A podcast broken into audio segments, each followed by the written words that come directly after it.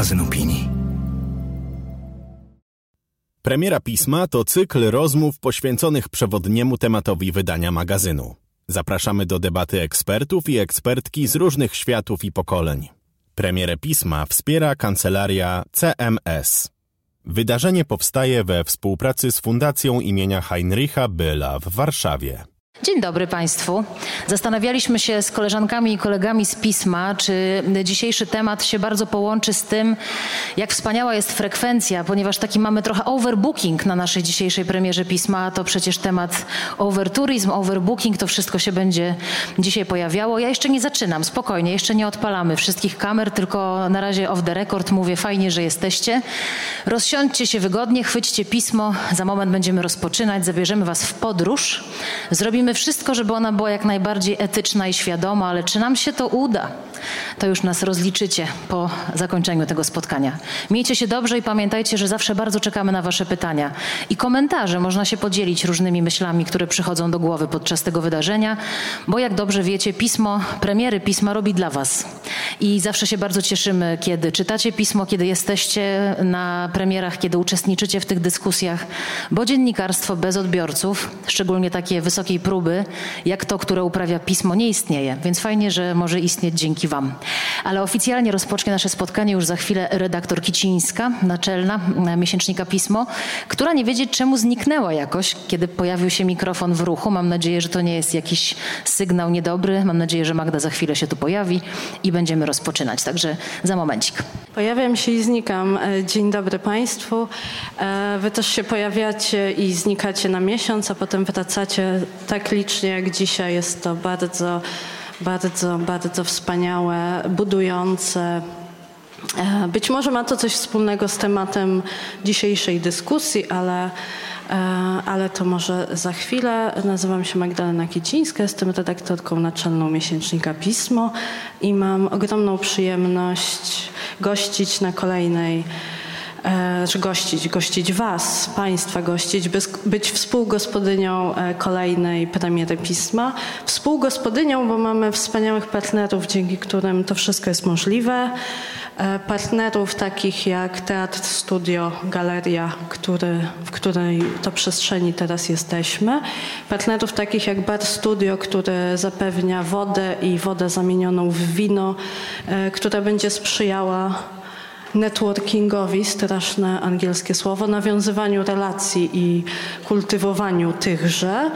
E, fundacja Heinricha Bola, która jest z nami od kilku miesięcy, również czyni to spotkanie możliwym, jak i będąca z nami już trochę dłużej kancelaria CMS. E, to są wszystko nasi partnerzy, dzięki którym możemy się tutaj spotkać i nawiązywać relacje, nawiązywać rozmowę przede wszystkim. E, Justyna Dżbik-Kluge, która też jest z nami od bardzo, bardzo dawna, nawiązuje e, relacje w projekcie premiera pisma z panelistami, panelistkami i z publicznością. Za chwilę przedstawi naszych wspaniałych gości, gościa, gościnie. A ja tylko dwa słowa o tym, o czym będziemy rozmawiać, a w zasadzie pytanie, kto z Państwa był już na wakacjach w tym roku? Podnieście rękę. Kto z Państwa będzie na wakacjach w tym roku? Super. E, ustalając e, jeszcze tutaj e, przestrzeń tej dyskusji, pole, pole tej dyskusji, no mniej więcej pół na pół. A kto z Państwa nie będzie w tym roku na wakacjach? Też są takie osoby, no ja tak trochę właśnie też jestem, pół ręki mogę podnieść. A kto z Państwa zdaje sobie, to jest pytanie z tezą i z odpowiedzią podchwytliwe, więc już bez podnoszenia ręki, tylko je tak zadam weter. Kto z Państwa zdaje sobie sprawę ze swojego przywileju, jeśli podniósł rękę, że już na wakacjach był albo na wakacjach będzie? To pytanie zawieszę, chociaż widzę tutaj odważne y, dłonie, y, kilka było Dziękuję Wam bardzo. A dlaczego to jest przywilej? I kto sobie na ten przywilej może pozwolić? I kto za ten przywilej naszych wakacji e, płaci? I jaką cenę? O tym z wspaniałymi gościniami i gośćmi będzie rozmawiać prowadząca wspaniała Justyna Dżbik-Kluge która nie jedno w tym temacie wie, bo właśnie zapomniałam, że ona też w zasadzie, tak, bo była kiedyś na wakacjach jakby wśród dziennikarzy, dziennikarek jest to rzadkość więc warto to zaznaczyć, ale nie tylko to sprawia, że ma ona wiedzę w temacie wakacji, nie tylko to teoretyczną, ale też e, praktyczną od strony pilotów wycieczek, bo napisała książkę o tym doświadczeniu bycia pilotem wycieczek i pilotkami wycieczek, więc e, dzisiaj i ekspertka, i prowadząca. Dziękuję bardzo. Drodzy Państwo, zróbmy dla niej hałas. Magdalena Kicińska, redaktorka naczelna miesięcznika Pismo. Ja mam coraz większy problem, jako Magda tak powiedziała ładnie, że ja jestem w projekcie premiera pisma, bo oni zaczynają stawiać takie tezy, z którymi ja się muszę nie zgadzać. Magda powiedziała, że to jest przywilej, że możemy jeździć na wakacje, a za chwilę porozmawiamy o tym, czy to przypadkiem nie jest nasze prawo, a może nawet obowiązek, żebyśmy na te wakacje czasami się jednak wyrywali. Pytanie, w jakiej formie te wakacje będą. Zanim, e, drodzy Państwo, rozpoczniemy to spotkanie, to ja mam taką zachętę. Chodźcie tutaj dziewczyny, tam są jeszcze w środku miejsca, nie trzeba w pierwszym rzędzie. Pamiętajcie, że tutaj nikt nie wywołuje nikogo do odpowiedzi, nie trzeba. Znaczy, zobaczymy, jak się dyskusja potoczy, ale siądźcie, będzie nam przyjemnie na was patrzeć. Zawsze, jeżeli jest jeszcze ktoś, kto sobie miejsca nie znalazł, nie było miejsca dla ciebie, to one są. Mamy tu trzy miejsca w pierwszym rzędzie. Y, go, gościnie i gość patrzą y, z takim y, z zachętą do ewentualnego wzięcia udziału w dyskusji, ale mówiąc całkiem serio. Witajcie, witam zarówno tych, którzy są z nami w Studio Teatrze Galerii, ale również tych, którzy nas oglądają. Pozdrawiamy was serdecznie. Pamiętajcie, że wy również przez cały czas właściwie trwania tego wydarzenia możecie zadawać pytania. Będziemy je łapać pod warunkiem, że wyjmę z torebki telefon, o którym zapomniałam, ale postaram się to nadrobić w którymś momencie tego spotkania. E, no to teraz e, jeszcze jedna rzecz, którą chcemy Wam pokazać. Zobaczcie, jak zawsze wspaniała okładka miesięcznika Pismo, zawsze korespondująca z tym tematem przewodnim. Dzisiaj to będzie odpowiedź na pytanie, jak podróżować odpowiedzialnie. Wy jeszcze tego nie wiecie, patrzę na naszych gości na kanapach, ale Wy dzisiaj musicie stworzyć mały podręcznik odpowiedzialności odpowiedzialnego podróżowania. Mina Marzeny bezcenna. Zobaczymy, jak to się rozwinie. Z kim dzisiaj rozmawiamy, słuchajcie. Świetna dziewczyna, piękna, dobra, mądra, pisząca doskonałe teksty, co nie jest tylko i wyłącznie opinią jej znajomych, ale przede wszystkim opinią e, czytelników, czytelniczek, środowiska, które ją nagrodziło, niejednokrotnie zresztą. Laureatka Nagrody Grand Press w kategorii reportaż prasowy, autorka książek, człowiek w przystępnej cenie, reportaże z Tajlandii, światy wzniesiemy nowe, autorka wielu bardzo Mm, mądrych, dobrych i pokazujących jej wrażliwość tekstów o podróżowaniu. Wcale się nie dziwię, że reportaż na ten temat do tego numeru pisma napisała właśnie ona, reportaż Ciżba, jego autorka Urszula Jabłońska. Dzień dobry, Urszulo.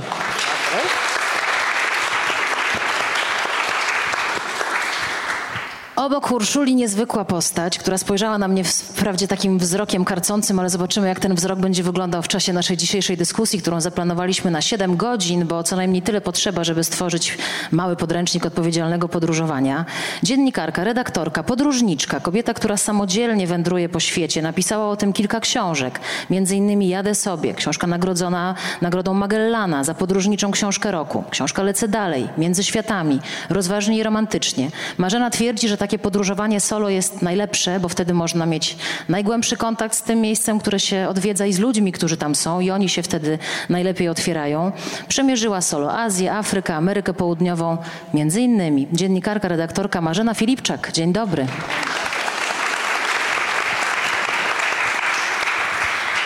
Na kanapie obok mnie zupełnie nie jak na gorącym krześle, chociaż jest trochę ciepło, więc może pod tym kątem moglibyśmy uznać, że to jest gorąca kanapa i gorące e, krzesło. Podróżnik, fotograf, dziennikarz, ale również pilot wycieczek. E, człowiek, który pasjonuje się takimi częściami świata jak kraje byłego ZSRR, kraje Bliskiego Wschodu. Tam również e, oprowadza wycieczki, czy pilotuje wycieczki, może bardziej adekwatnie powinnam powiedzieć. Mówi o sobie, że szuka prawdy dobra i piękna w podróżach, ale też mówi o tym, chociażby będąc współautorem podcastu o świadomym podróżowaniu, Dobra Podróż, śledźcie, sprawdźcie. Jest też wiceprezesem fundacji, która e, działa na rzecz zrównoważonej turystyki, Modern Tourism Center. Jakub Rybicki jest dzisiaj z nami. Dzień dobry, Kubo.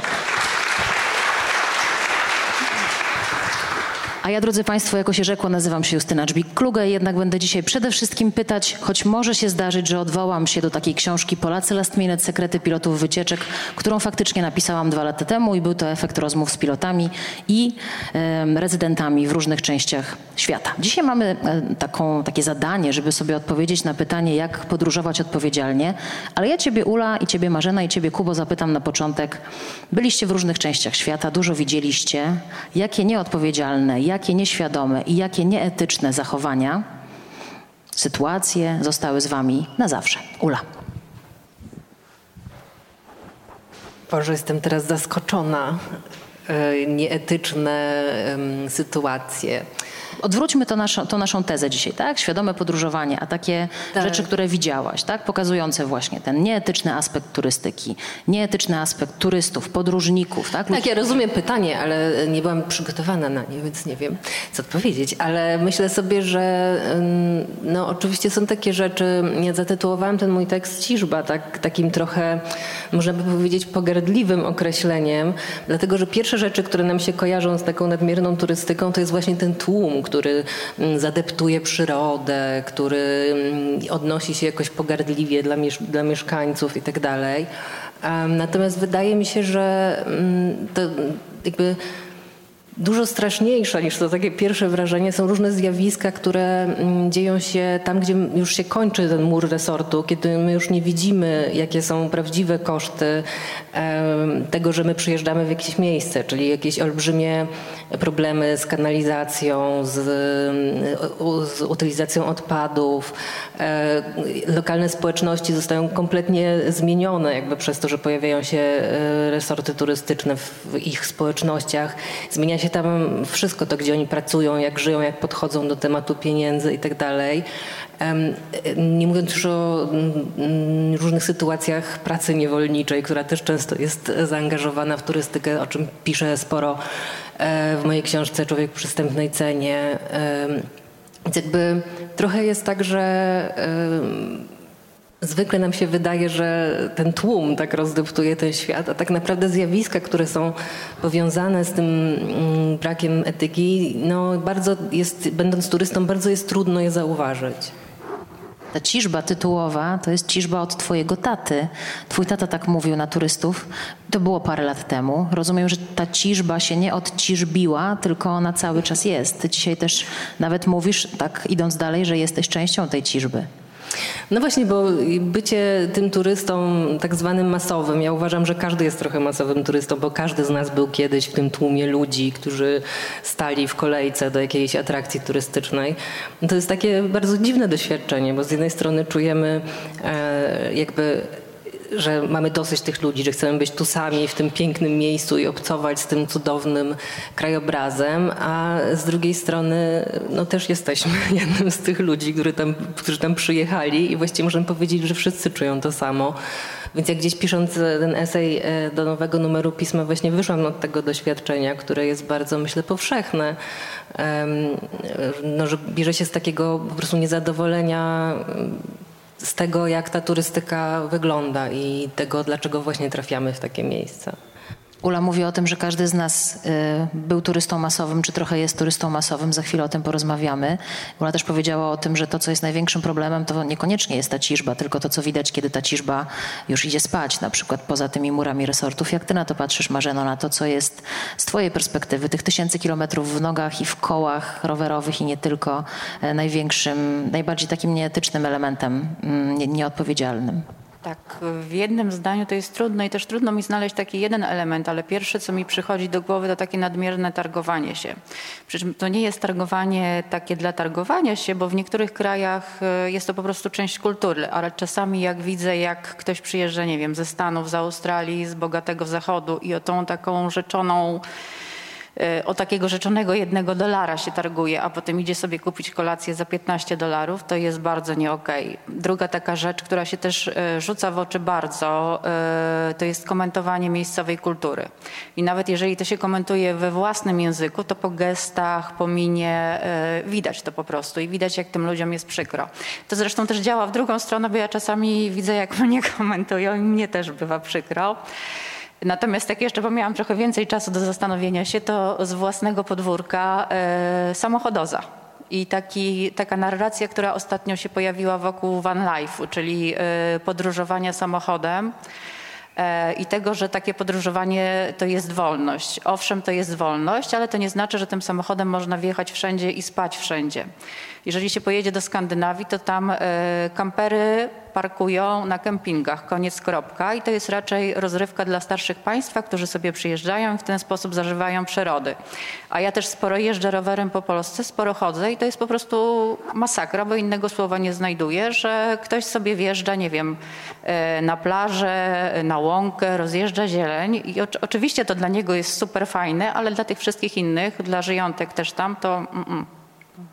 Więc e, właśnie, nie chcę samochodów w lasach. Myślę sobie, że ten, ta, ta, twoja opowieść o van life, jak fajnie powiedziałaś, i o tym zajeżdżaniu różnych miejsc i wjeżdżaniu wszędzie, no to jest taka metafora w ogóle tego podróżowania czy turystyki, że chcemy wejść wszędzie, chcemy dotknąć wszystkiego, chcemy być może tymi pierwszymi, chcemy mieć najlepszy widok, tak? No to prawda, ale też właśnie nie mamy świadomości, bo Skandynawowie, skąd e, wywodzi się takie podróżowanie, no to jest jedna z części świata, skąd się to wywodzi. Oni nigdy nie wjadą do lasu i nie będą spali w lesie.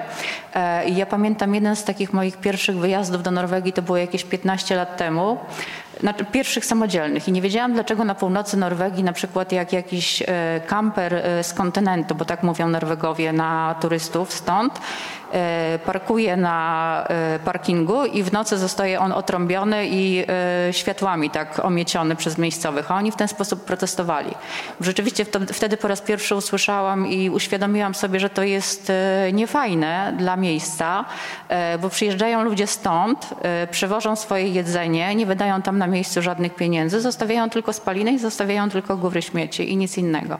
Natomiast no właśnie, bo jeszcze rok temu też szłam pieszo dookoła Bornholmu E, I Dania to jest jedyny kraj e, skandynawski, w którym nie można się rozbijać na dziko wszędzie. Tylko są czasami miejsca wyznaczone i tam też były takie parkingi, miejsca na namioty. E, I na tych parkingach były tabliczki, że jest zakaz zostawania na noc kamperami, ale nikomu z miejscowych by nie przyszło do głowy, żeby zostać, ale na każdym stało kilka kamperów i to były wszystkie kampery na rejestracjach z no, z naszej strony Morza Bałtyckiego. Pamiętam taką niedawną rozmowę ze znajomymi, którzy są właśnie odkryli w sobie takie powołanie bycia kamperowcami i byli bardzo oburzeni tym, że tak to działa, że tam nie można wszędzie. Było im trudno to zrozumieć, bo wydawałoby się, że to przecież jest ta wolność, tak? Tak, dla, no, ale to jest dla nich wolność, a no tam właśnie. kończy ich wolność właśnie. No właśnie, Kuba, wolność dla nich, dla nas. Y, jakie zachowania ty widziałeś, też będąc w różnych częściach świata? O jakich zachowaniach opowiadasz i w podcaście, i prowadząc fundację, czy współtworząc fundację? O tych, których nie chcemy, które nie są dobre dla turystyki i dla miejsc, które odwiedzamy? Ja miałem najdłużej czasu, żeby się przygotować, więc mogę dwa przykłady podać. E, pierwszy to jest e, z pracy pilota, jak już powiedziałaś, zajmuje się między innymi wycieczkami na Bliski Wschód. No i ludzie często przyjeżdżają z jakimś wyobrażeniem e, mieszkańców tegoż Bliskiego Wschodu w głowie, czyli no to, co nam się nasuwa, terroryści, prawda? I to się e, bardzo często pojawia e, pół żartem, ale ten żart z czegoś wynika, prawda? Więc mamy jako turyści czasami e, takie podejście właśnie, to nawet mm, było chyba nazwane gdzieś tam w zapowiedzi postkolonialne troszeczkę do tego, że my jesteśmy lepsi, nasza religia jest lepsza. Mm, no i e, dobra wiadomość jest taka, że to się zmienia. Znaczy moją rolą jako e, pilota takiej wycieczki, też przewodnika, bo to są dwie różne funkcje tak naprawdę, e, jest y, właśnie dekonstrukcja tych stereotypów i tłumaczenie jak jest. Więc y, e, właściwie niemalże na każdej wycieczce spotykam się na koniec albo gdzieś w jakimś momencie, że no panie Kubo tutaj coś nam w głowie się zmieniło. Albo e, jak mi kiedyś turysta powiedział po pobycie dwóch tygodni w Iranie, że właściwie to są tacy ludzie jak my. Tak, więc y, on powinien z takim nastawieniem przyjechać, ale fajnie, że wyjechał z takim nastawieniem. Więc tak, więc to jest mój duży sukces. Ja się bardzo cieszę z takich e, wypowiedzi. A drugi przykład, y, mogę się autopobiczować. Y, ostatnio y, byliśmy z małżonką na Silance w Parku Narodowym Jala. Park Narodowy Jala jest najpopularniejszy i chyba największy na Sri Lance. On jest znany z tego, że tam są gepardy, zdaje się. W sumie nie widziałem tego geparda, więc nie pamiętam, co to miało być. W każdym razie jakieś koty y, wspaniałe, dzikie. Jest ich tam kilkanaście w tym całym parku. No i one sobie tam mają te swoje miejscóweczki. E, no i przewodnicy tymi jeepami nas do tych miejscóweczek podwożą. Ja tam byłem w grudniu ubiegłego roku. Państwo na pewno wiedzą, że w Sri Lance były protesty, załamanie ruchu turystycznego, bankructwo państwa, więc turystów było naprawdę mało. W niektórych miejscach to była jedna dziesiąta tego, co normalnie w tym parku podejrzewam, że trochę więcej, no bo to jednak jest najpopularniejsze miejsce tego typu na Silance, więc powiedzmy, że była jedna trzecia tego ruchu. No i e, rano e, o wschodzie słońca wyjeżdżamy tymi jeepami. E, mimo tego, że tych turystów było tak de facto bardzo mało, no to było tych kilkanaście na początek, potem kilka, kilkadziesiąt samochodów. I kiedy jeden e, samochód odkrywa, że e, no gdzieś są te gepardy, dajmy na to, to wszyscy tam jadą i robią wyścigi e, po tym stepie, czy jakkolwiek nazwiemy tą szatę roślinną. Więc robimy wyścigi, wszyscy wszystko się kurzy, przy, ustawiamy się w gigantycznej kolejce na 30 samochodów. Może ten pierwszy samochód zobaczy te zwierzęta, drugi być może też, no potem one sobie już y, pójdą, no i, i my po prostu tylko w tym korku stoimy. Co jeszcze jest troszeczkę bezsensowne, te samochody są często puste, to znaczy e, samochód ma miejsc 6 albo 8, no a jeżeli my jako dwie osoby zamawiamy taki samochód, no to on tylko nas weźmie, nie weźmie nikogo innego. Co jest też bezsensownym tak naprawdę naprawdę mm, no, tylko wykorzystywaniem tych samochodów, ale z drugiej strony e, no, miejscowi zarabiają więcej dzięki temu, no, bo jest więcej kierowców. E, więc było to bardzo tak naprawdę takie no, nieprzyjemne doświadczenie pod, pod tym względem. E, później pojechaliśmy do innego parku narodowego, gdzie tych gepardów nie ma. Są tylko słonie, więc nuda. I tam y, nagle się okazało, że jest super fajnie, super zrelaksowanie. E, liczba samochodów być może była taka sama, ale ponieważ one nie były skoncentrowane na tym, żeby te biedne statko małe e, tych zwierząt ścigać, tylko rozpełzały się po całym parku, więc można było tak de facto mieć e, te słonie dla siebie. W ogóle temat słoni, no to jest kolejny temat, który możemy sobie eksplorować w Tajlandii szczególnie ja, ja, w Tajlandii, w ogóle w Azji Południowo-Wschodniej jazda na słoniach. No jest jedną z tych rzeczy, które są najbardziej nieetyczne, jakie możemy robić, bo po to, żeby taki słonik nas przewiózł, on musi być, e, no tak mówiąc, prostorturowany za młodu, żeby złamać mu charakter i żeby on nas nie zabił, kiedy będzie sobie e, nas woził, no bo słonie to są dzikie zwierzęta i no i nie lubią, jak się na nich normalnie jeździ, z czego wielu turystów sobie nie zdaje sprawy, no ale właśnie e, tym się między innymi zajmujemy e, właśnie czy to w podcaście, czy działając na różnych tam forach, żeby o takich rzeczach mówić. No ale właśnie, teraz ktoś się na przykład odezwie i powie, ale przecież są takie sierocińce dla słoni i tym słoniom się też trochę pomaga, więc przecież też trochę robimy dobrego. Do tego wątku zobaczymy, czy wrócimy, bo na pewno ta płaszczyzna w ogóle podejścia do zwierząt, do przyrody, w różnych turystycznych, robienia z nich turystycznej atrakcji, to jest jeden z tych wątków świadomego podróżowania albo turystyki. Ale ja was chciałam zapytać, tak trochę wchodząc w Państwa głowy, bo przyszliście tutaj na premierę pisma, żeby sobie odpowiedzieć na pytanie, jak podróżować odpowiedzialnie i człowiek tak czyta o tym i myśli tak, no na słoniu nie pojadę, chociaż marzyłem, no ale nie. Lepiej nie jeździć w takie instagramowe miejsca, bo tam tłumy, tu Jabłońska pisze o tym, że ta ciżba, nie zadeptywać, samolotem nie latać, no bo ślad węglowy. To właściwie najlepiej byłoby, żeby tak świadomie podróżować, wszystkie pieniądze na podróże zainwestować w jakąś agroturystykę w Polsce albo każdą w sezonie inną, raz Kaszuby, raz Roztocze, raz Podlasie i w ogóle ograniczyć to swoje wyjeżdżanie i marzenia i chęć bycia człowiekiem, który zobaczył świat. Czy to jest jedyna droga? Ula, kiwasz głową? To jest jedyna droga? Ja myślę, że to jest bardzo skomplikowane zagadnienie, o którym też trochę pisałam, że no teraz jest taka generalnie wszyscy się zastanawiają, czy, czy żyją etycznie, no bo to jest główny problem naszej planety, która wiadomo jest przeciążona e, i jakby no, nasz styl życia mm, jest związany z wieloma kosztami, między innymi z tym śladem, śladem węglowym e, przede wszystkim, więc wszyscy się zastanawiają, czy powinien mieć mięso, czy powinienem mieć dzieci, czy powinienem mieć samochód, czy mogę mieć dwa domy, czy, no i czy mogę polecieć do tej Tajlandii tym samolotem. I wydaje mi się, że to jest bardzo trudne i każdy powinien się nad tym zastanowić, dlatego że oczywiście możemy siedzieć bez ruchu. W ogóle najlepiej dla planety byłoby, żebyśmy w ogóle przestali istnieć i ją odciążyli. Czekaj, poczekaj, poczekaj. Bez duumizm to się nazywa. Nie, nie wszyscy nie umrzemy, wszyscy, ale jeszcze nie teraz. Spokojnie, naprawdę. No.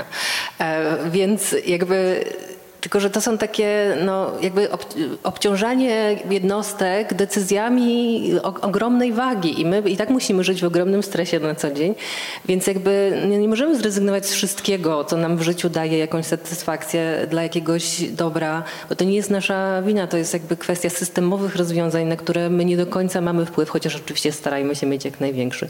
I tak samo jest z podróżami, to znaczy no wiadomo, że nie będziemy w 100% etyczni, że nie będzie tak, że nie wygenerujemy śladu węglowego, nie wpłyniemy negatywnie w ogóle na życie społeczności, nie zniszczymy w ogóle przyrody i, i tak dalej. No, ale jeżeli podejmujemy tę decyzję, żeby jechać, no to możemy starać się przynajmniej w jakiś sposób, y, nie musimy, bo oczywiście ja nikomu nic nie narzucam, bo uważam, że tak, takie decyzje są bardzo jednak intymne, ale po, po, prostu możemy postarać się mm, zrobić kilka rzeczy, żeby jakoś jak najbardziej to zniwelować. Rzeczywiście jestem y, pesymistką i uważam, że świat się zaraz skończy, więc y, no jednak nawet jeżeli my będziemy tutaj kombinować, jak nie skrzywdzić świata, to kolejne y, miliardy ludzi nie będą o tym myśleć i tak naprawdę jest to mm, kontrowersyjne, czy to coś zmieni, ale na pewno powinniśmy no jeżeli, mam, jeżeli się tym przejmujemy, a zakładam, że Państwo skoro tu przyszli, to się tym przejmują,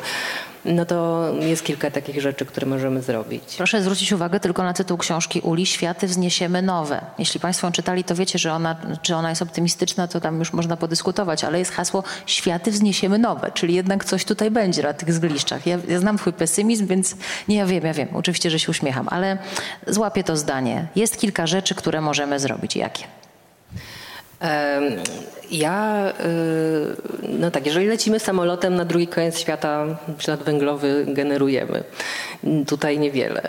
Ale ja na przykład taką zawsze podstawową rzeczą, którą y, robię, kiedy gdzieś wyjeżdżam, to jest, y, żeby staram się, żeby mój pobyt jak najwięcej przyniósł pieniędzy lokalnym mieszkańcom.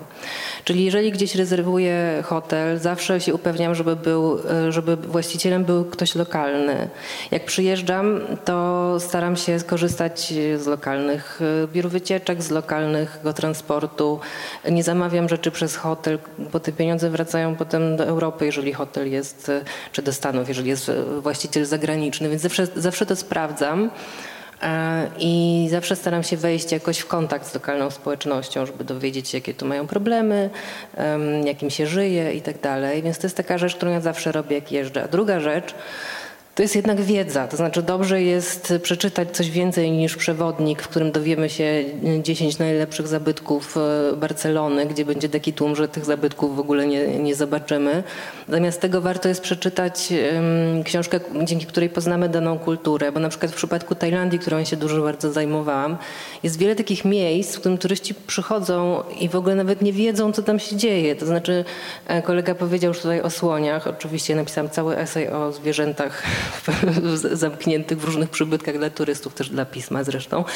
Ale jest na przykład też, e, tak są takie wioski rdzennych plemion, gdzie turyści po prostu kolejkami się ustawiają, a ci ludzie, którzy żyją w tych wioskach są de facto niewolnikami, są złapani w górach i umieszczeni w tych wioskach na siłę, nie mogą ich w ogóle opuścić.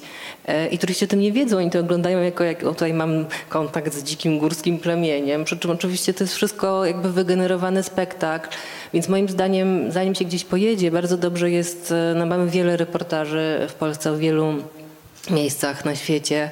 I bardzo polecam jeszcze przed wyjazdem przeczytać, chociaż żeby dowiedzieć się, no, jakie, jakie takie niebezpieczeństwa mogą nas spotkać i czego powinniśmy unikać. Więc są takie dwie rzeczy, które ja zawsze robię przed wyjazdem i bardzo je polecam. Jest kilka rzeczy, które można zrobić. Jakich, Marzeno? Ja bym teraz chciała w jednym zdaniu powiedzieć, jak podróżować. Może być więcej zdań, spokojnie. Nie, ale to się da w jednym ująć i to jest jedna rada, mniej. Bo nie da się, znaczy nie, da się oczywiście podróżować w ogóle, ale tak jak mówiła Ula, raz, że to nas wzbogaca, ale to powinno być dwa. A raz to jest tak, że y, jakaś część ludzkości jednak na tych podróżach zarabia i dzięki temu funkcjonuje. Nie da się świata po prostu tak zamknąć i nagle wyłączyć wszystkiego, linii lotniczych, wszystkich hoteli, no w iluś tam krajów. E, Więc raz podróżować mniej, a tak też sobie słucham wcześniej, czytałam i też mam takie przemyślenia, że mówiąc o tym wszystkim, to czuję się też trochę hipokrytką, no bo tak, bo ja już tam byłam, tak jak my wszyscy tam byliśmy i w ogóle, żeby tu przyjść i o tym powiedzieć, musieliśmy tam najpierw gdzieś pojechać. E, I teraz tak, co ludziom można radzić? Co to znaczy mniej? To już każdy powinien ocenić sam, bo łatwo jest mówić, że ja e, kiedyś byłam we Florencji i była pusta i w Wenecji była pusta i teraz już sobie pooglądam inne rzeczy, bo tam jest e, mniej ludzi, ale ktoś, kto tam nie był, to rozumiem, że jednak chce to zobaczyć. Bo jak ja patrzę teraz na zdjęcia Morskiego Oka i widzę ten tłum, to mówię nigdy w życiu. Ale z drugiej strony czytam e, wypowiedź pani, która ze schroniska obserwuje, e, co się tam dzieje i mówi, że dziewczyna, która jest po raz pierwszy i chłopak ją wprowadza, odsłania jej oczy i ona mówi, jak tu pięknie, to też to rozumiem, więc to też poniekąd tego uczą podróże, żeby nie oceniać innych, nie będąc w ich skórze. To tak. E, A co do właśnie, co do tych wsi, to, to jest Lutkaren, prawda? On się nazywa, ten, czy wsi, wsie w Tajlandii. Bo też tam byłam, we wsiach w Tajlandii, tych górskich. Na północy. No, Karen. No Karenowie, właśnie, tak. no Karenowie właśnie. I ja tak wiem, że też tam bardzo nie chciałam pojechać, bo jest to ludzkie zoo, ale potem tak właśnie teraz jak sobie też czytałam i myślałam w sumie, co te kobiety mogą zrobić, z czego innego żyć, w tej chwili. Jeżeli, e, jeżeli im się zdejmie te obręcze. Ja byłam we wsi Karen. Można też, być może nie zawsze, ale często zorganizować sobie coś półśrodkiem. E, Po prostu pójść, ja wtedy zrobiłam to tak, że poszłam do jakiejś lokalnej agencji, ktoś mnie skierował do swojego szwagra, szwagier miał rodzinę właśnie w takiej prawdziwej wsi. E, Ja mu coś zapłaciłam, on sobie od tego wziął oczywiście część, a resztę dostała ta miejscowa rodzina i byłam tam u nich 3 czy 4 dni. No i to jakoś tam coś tam zobaczyłam, przeżyłam. Ta pani też coś zarobiła przy okazji, co, co, co dla niej było jakimś dodatkowym e, źródłem dochodu. Ale też na przykład na Filipinach i też w kilku innych miejscach widziałam no taki właśnie Disneyland. E, Starsi państwo z prowincji Kalinga w takich strojach naprawdę jak nasi górale po prostu wstali i pozowali do zdjęć za pieniądze. Ale jak się przystanie i z nimi porozmawia i nie tylko im płaci, czy tam chce sobie zrobić to zdjęcie, to oni mówili, że to jest dla nich jedyna praca i oni się cieszą, bo po pierwsze mogą wyjść z domu, są do tego przydatni i mogą coś do budżetu dołożyć. Więc tak myślę, że to nie jest y, złe to, że my robimy to zdjęcie, złe jest to, że opowiadamy na przykład potem, że tak ten świat naprawdę wygląda. Bo jeżeli przy, przy, przywieźć to zdjęcie i pokazać dzieciom i powiedzieć, jak to jest, to myślę, że to jest okej. A, I tak jeszcze właśnie co możemy zrobić, to myślę, że zacząć od swojego podwórka. Że y, no jednak jesteśmy w, jak- w jakiejś bańce tutaj y, i że dla większości y, nie tylko Polaków, ale Polaków też, wyjazd gdzieś daleko to jest abstrakcja. Więc być może właśnie zacząć, im, zacząć od tego mówić i namawiać najlepiej dzieci w szkołach, żeby jak najwięcej czasu spędzały w lesie. Że na przykład też im pokazywać, jak się namiot rozbija, że to nie jest bieda turystyka, bo to jest tak często kojarzone. No Właśnie, myślę, że warto się nad tym wątkiem pochylić, bo zaczęłaś od tego, myśmy o tym z Kubą przez chwilę rozmawiali przed rozpoczęciem tej premiery, że o tym, że pieniądze szczęścia nie dają, może powiedzieć ktoś, kto je miał w życiu i powiedział, dobra, miałem, nie dają szczęścia, spoko. Tak samo z podróżami. Ja akurat nie byłam ani w Wenecji, ani we Florencji. Mam takie marzenie, żeby zobaczyć Wielki Kanion Colorado, ale widziałam w internecie takie zdjęcie, że ktoś sobie robi selfie na tle kanionu, a potem robi zdjęcie tej drugiej strony. Jest takie zdjęcie, ono gdzieś tam wędruje po sieci i tam są jakieś tysiące ludzi w ogóle. I teraz ja zastanawiam się, czy co? Żeby być tym świadomym podróżnikiem, ja mam zrezygnować z mojego wielkiego, jedynego marzenia życiowego, że na czterdziestkę chcę zobaczyć ten kanion, bo będę musiała tam lecieć, czy nie. Ale teraz a propos tego, o czym mówisz, to do ciebie będzie, Kuba, pytanie. Czy na pewno jest tak, że dla większości Polaków podróże są takie odległe? Zależy pewnie, jak zdefiniujemy podróż. Ja pamiętam rozmowy z pilotami do mojej książki. Oni mówili tak. Mm, podróże są jakby oznacze, oznaczeniem statusu. I coraz więcej osób, jakby wyjdziemy z Warszawy, z Wrocławia, z Poznania, wyjdźmy, naprawdę warto. Tam też są ludzie, którzy mają pieniądze. I oni już mają dom, mają samochód. I teraz tak, sąsiad był w Tajlandii. Tajlandię już za czwórkę możesz, za cztery koła, mówi mi pilot. Tak to było dwa lata temu, może się to zmieniło. No to sąsiad był, to ja też bym chciał tam pojechać. Na ile też podróże stały się to, że sąsiad był, my też chcemy, tak, pokazać, że byliśmy, pokazać sobie te zdjęcia skądś. Na ile one są takim statusowym doświadczeniem dla, dla ludzi i też no, na ile właśnie mamy im mówić, żeby się dzieci uczyły stawiać namioty w, w, lesie, a nie mogli sobie wyjechać do Turcji, Grecji na all inclusive, zwane czasami all excuse me przez Polaków. To było pytanie, jak rozumiem. Kropka. To było takie pytanie właśnie na ile, nie, było, na ile możemy, no bo ten wątek mówienia, tak, że jak już ktoś z Państwa gdzieś był, to może powiedzieć, dobra, teraz będę podróżować świadomie. A jak ktoś jeszcze nie był, tak, a chciałby, to co masz mu powiedzieć, że ma nie chcieć? Czy mamy zmienić w ogóle może wyobrażenie o podróżach? Może myśmy sobie dali wmówić, że podróże, że wszyscy muszą podróżować, że podróże kształcą i że to jest takie właśnie fajne, żeby zobaczyć pół świata. Znaczy ja się może podpiszę po tym, co powiedziała Ula na początek, czyli że absolutnie e, nie jesteśmy od tego, żeby komukolwiek odmawiać czegokolwiek. Zresztą nie miałoby to żadnego sensu, bo ludzie i tak zrobią to, co chcą zrobić, więc tutaj na tym można postawić kropkę po prostu. E, natomiast e, jeżeli chodzi o radę, mm, dla, jak, jak podróżować lepiej, to też przedmówczynie o tym mówiły, ale ja to podsumuję jednym słowem. E, myśleć po prostu, czyli poświęcić odrobinkę refleksji mm, nad miejscem, do którego jedziemy, zrobić research e, czy E, hotele, do których jedziemy, są zrównoważone, czy mają jakąś politykę środowiskową i tak dalej. Teraz na Bookingu nawet mamy takie zielone listki, które oznaczają, że dana, dany hotel czy dane miejsce jest zrównoważone. Pytanie oczywiście, jak są nadawane te certyfikaty, ale to jest inna kwestia. Natomiast problem polega na tym, że my tutaj jak siedzimy, czytelnicy pisma, no to są osoby głęboko myślące oczywiście, i mające refleksję nad światem. Lubimy dawać Państwu dużo komplementów na tych spotkaniach. Nie? Tak, mm, natomiast y, zdajecie sobie też Państwo sprawę, że jest to bańka, tak? że jednak większość ludzi nie prenumeruje pisma i nie czyta. To nieprawda. Mimo wszystko. To nieprawda. Mimo wszystko. Nieprawda. Ale może to się zmieni oczywiście. Ludzie na wakacjach chcą odpocząć. Już wystarczy, że muszą w pracy myśleć, w szkole muszą myśleć, to jeszcze im każą na wakacjach myśleć. No to jest już za wiele, tak? Ludzie na wakacjach chcą odpocząć i to się kłóci z tym postulatem myślenia.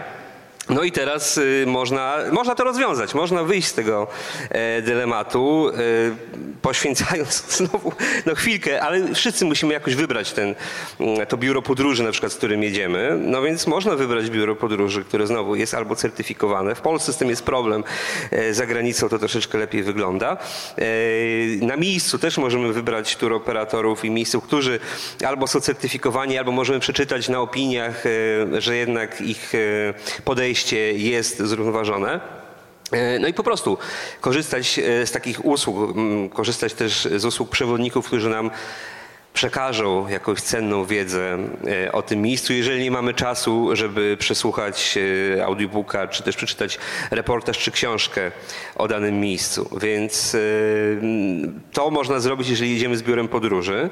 Jeżeli jedziemy samodzielnie, no to niestety to, to już wymaga większego przygotowania, ale też znowu wydaje mi się, że ludzie, którzy podróżują samodzielnie, jednak więcej wysiłku wkładają siłą rzeczy w przygotowanie się do wyjazdu, co co oczywiście nie znaczy, że są to lepsi ludzie niż e, klienci biur podróży, bo e, podróże kształcą, jak powiedziałaś, owszem, ale e, nie dzieje się to na drodze oświecenia, jak Buddha pod drzewem świętym, tylko znowu trzeba w tą naukę włożyć pewien wysiłek, otworzyć się na nowe informacje, otworzyć się na nową kulturę, na poglądy, które czasami są sprzeczne z tym, co my myśleliśmy. No i teraz turyści dzielą się na takich, którzy e, to robią, owszem, i tacy, który, którzy tego nie robią. I może tutaj na razie postawię kropkę. Chciałaś coś dodać, Ula? Bo tak chwyciłaś mikrofon w pewnym momencie, że coś dołączyć do tego, co Kuba mówił, adwocem. No to teraz a propos tego, że nie ma lepszych i gorszych, a przepraszam bardzo, a taki podział na turystów i podróżników, albo turystów i backpackerów. Przecież zawsze się jakoś tak gdzieś kiedyś, nie? Pojawiło się coś takiego, że ja to jestem ten lepszy z plecakiem, a ten turysta masowy, taki właśnie, co wybiera takie masowe biuro podróży. Pamiętam z rozmów z pilotami takie niezwykłe rozróżnienie. Oni zawsze mówili, ja nie mówię o moich turystach turyści, ja o nich mówię moi goście. No i teraz chciałam zapytać Was o to, czy rzeczywiście nie ma już takiego, nie pytam o to, czy Wy nie macie, bo to nie są jakby pytania osobiste, tylko z Waszych doświadczeń, obserwacji, z bycia w różnych miejscach. Na ile rzeczywiście nie ma takiego, znaczy, czy, czy nie istnieje faktycznie taki podział, że są ci gorsi turyści, którzy właśnie zadeptują i ci lepsi, my, ci świadomi, podróżnicy, właśnie backpackerzy i czy oni naprawdę są tymi lepszymi? Marzena. Ja siebie nazywam turystką albo powsinogą. Znaczy dla mnie to jest tylko nazwa, a wydaje mi się, że się zrobiło tak, że jak może się mylę, ale takie pierwsze wrażenie, które mi przychodzi do głowy, to jak ktoś się nazywa podróżnikiem w dzisiejszych czasach, to chyba tylko dlatego, żeby się dowartościować. Bo nie ma nic do odkrycia w tym świecie. Znaczy w, oce w oceanach, Zostało może w oceanach i gdzieś tam nie, znaczy nie, dla mnie to jest tylko, tylko i wyłącznie nazwa, nic innego. Można być e, odpowiedzialnym turystą i można być e, nieodpowiedzialnym bardzo podróżnikiem. Ty powiedziałaś, Ula, na początku, że każdy z nas był turystą masowym. Rozwiniesz? No ja mówię to w takim kontekście tych tłumów właśnie, które opisuję, że każdy z nas właściwie mm, myślę, że ma takie doświadczenie wpadnięcia w jakiś turystyczny po prostu kanał, że gdzieś jedziemy i po prostu jest dla nas przygotowana na miejscu mm, jest, jest, scenariusz przygotowany, tak? Tutaj mamy spać w tej dzielnicy, potem mamy wziąć autobus, pojechać oglądać tutaj, na plażę w tamto miejsce i jakby mm, no nie oglądamy i wszystko jedno, czy jesteśmy tym turystą, który jedzie na ten all inclusive i nie wychodzi za mur, gdzie e, wszystko w ośrodku, na całym świecie, gdziekolwiek jesteś, zawsze wygląda tak samo, czy jesteś na przykład backpackerem w Tajlandii, gdzie po prostu wysiadasz na lotnisku w Bangkoku, jedziesz na Koh San Road, stamtąd bierzesz autobus autobus, czy teraz już raczej samolot do Krabi, a potem jakby to są takie rynny, w które my wpad- jeżeli nie zaplanujemy czegoś sami inaczej, to w te rynny wpadniemy yy, wszystko jedno, czy jesteśmy backpackerem, czy jesteśmy yy, panią z dziećmi, która chce poleżeć nad basenem. Tak? To nie ma znaczenia i to też nie jest jakby złe, bo ja nie mówię, że mamy z tym walczyć, ale jakby uważam, że no jeżeli ktoś chce powiedzieć, że jest podróżnikiem tylko dlatego, że jakby e, właśnie jedzie z plecakiem i z namiotem. W życiu nie spałam w namiocie. Znaczy dobrze, raz mi się zdarzyło, ale ja nienawidzę tego. E, więc e, no to jest trochę już do, do dzisiaj kompletnie nie ma żadnego znaczenia, myślę, taki podział. Więc y, dlatego powiedziałam, że każdy z nas był turystą masowym, no bo każdy z nas w te rynny wpada i ja czasem mam tak, że już wpadę w tą rynnę, bo sobie myślę, że już mi się nie chce nic kombinować. Chcę odpocząć, więc już wiem, że mnie wożą tu i tam, ale już niech, niech to robią. A czasem nie, czasem chcę się wyrwać i y, zapoznaję kogoś miejscowego i mówię, słuchaj, zabierz mnie gdzieś. Mm, gdzie wychodzicie, opowiedzcie mi o swoim życiu, jakby, no już nie mówiąc, że w pracy to robię, tak, ale na wakacjach też czasem mi się zdarza, jak mam na to przestrzeń, więc moim zdaniem nie ma co zasadniczo dzielić ludzi na lepszych i gorszych, bo to nigdy nie, donikąd nie prowadzi.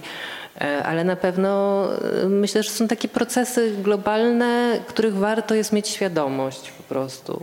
Świetne jest to, co powiedziałaś, że wpadamy w te rynny, tak? Nieważne jak się nazwiemy, czy turystą, czy jak jeszcze mówisz, nie wędrowcem, tylko powsinogą. Powsinogą, powsinogą to świetne.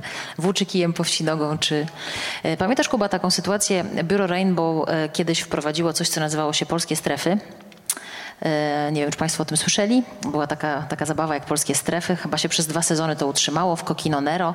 Polegało to w skrócie na tym, bo się z tego szybko wycofali, ale była duża dyskusja w branży. To znaczy jedziesz do Grecji, ale jesz schabowego, pomidorową, wieczorem oglądasz Killera, płacisz bardzo mało, bo to były bardzo tanie wyjazdy, były dwie takie polskie strefy zrobione. Masz polską obsługę w hotelu w ogóle i to jest super dla kogoś, kto tak jak mówi Ula, ja chcę po prostu wypocząć, chcę mieć gwarancję pogody i ciepło. Na no, Zanzibarze też tak było przecież, słynny, e, słynna polska wyspa Zanzibar. Tak. No właśnie, pytanie, znaczy, to nie, to nie jest pytanie, czy to źle, no bo już to, to byłoby dosyć naiwne pytanie, ale e, dochodzimy trochę do, do takiego chyba momentu, w którym możemy sobie powiedzieć, to nie jest nie okej, okay, jeżeli po prostu chcesz poleżeć pupą na ciepłym piasku, a nie nad Bałtykiem, dokąd ja na przykład jadę w sobotę i wszyscy wiemy, jaka będzie pogoda przez najbliższy tydzień, że można już współczuć. Jak na to patrzysz, Kuba? Bo kiedyś a propos tego pytania, po co podróżujemy, tak? No masz jechać, podróżować, poznawać inne kultury, otwierać się na innych ludzi. Nie, ja chcę siedzieć na dupą w Grecji, na dupie w Grecji, żeby mówili do mnie po polsku. No i teraz na, na wadze to kładziesz. I co jest dla ciebie, nie wiem, cięższe, lżejsze? No oczywiście tego na wadze nie kładę i nie wartościuję. To jest tak samo jak z wartościowaniem kultur, które są lepsze, czy, czy które gorsze, czy lepsza jest kultura Janusza i Grażyny, czy lepsza jest kultura, nie wiem, e, Stasia. Steve'a i Barbary. Tak, Steve'a i Barbie, e, którzy głęboko wchodzą w daną kulturę. No, by, jakaś postawa jest mi bliższa, powiedzmy. Natomiast y, absolutnie y, nigdy nie powiem, że e, turysta, który chce po prostu wypocząć i nie myśleć i leżeć na piasku, y, że to jest złe. No, jest to tańsze niż nad polskim morzem, wszystko ma y, pod ręką. Jeżeli lubi schabowego, a nie y, pattaja, no to niech sobie je tego schabowego. No, kimże ja jestem, żeby mówić, że to jest gorsze lub lepsze. Natomiast y, to jest pewna gałąź turystyki i, no i ona jest, nic z nią nie zrobimy. E, jest określona grupa ludzi, którzy taką turystykę preferują.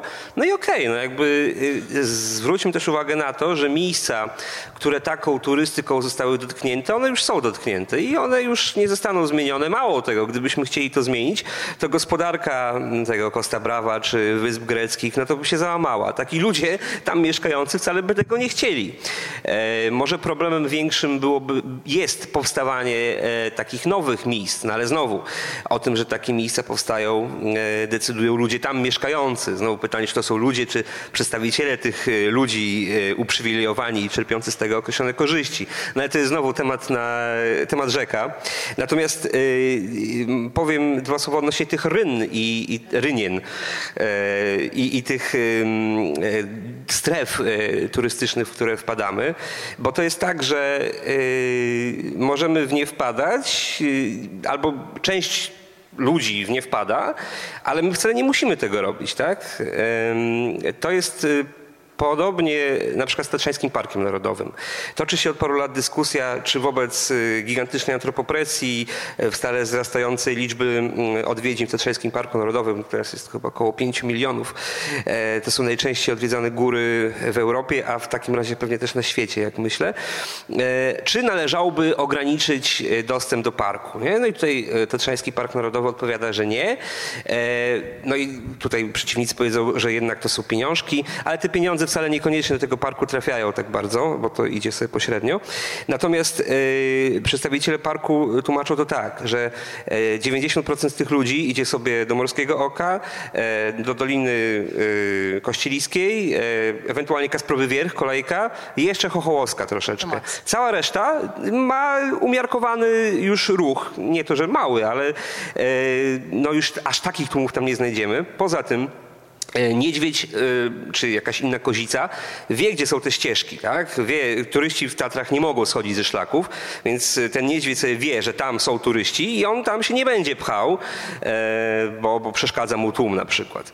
No więc to, że ten ruch jest skanalizowany po tych ścieżkach, po tych rynnach właśnie w Tatrzańskim Parku Narodowym, to tak naprawdę, tak mówią osoby pracujące dla Parku Narodowego.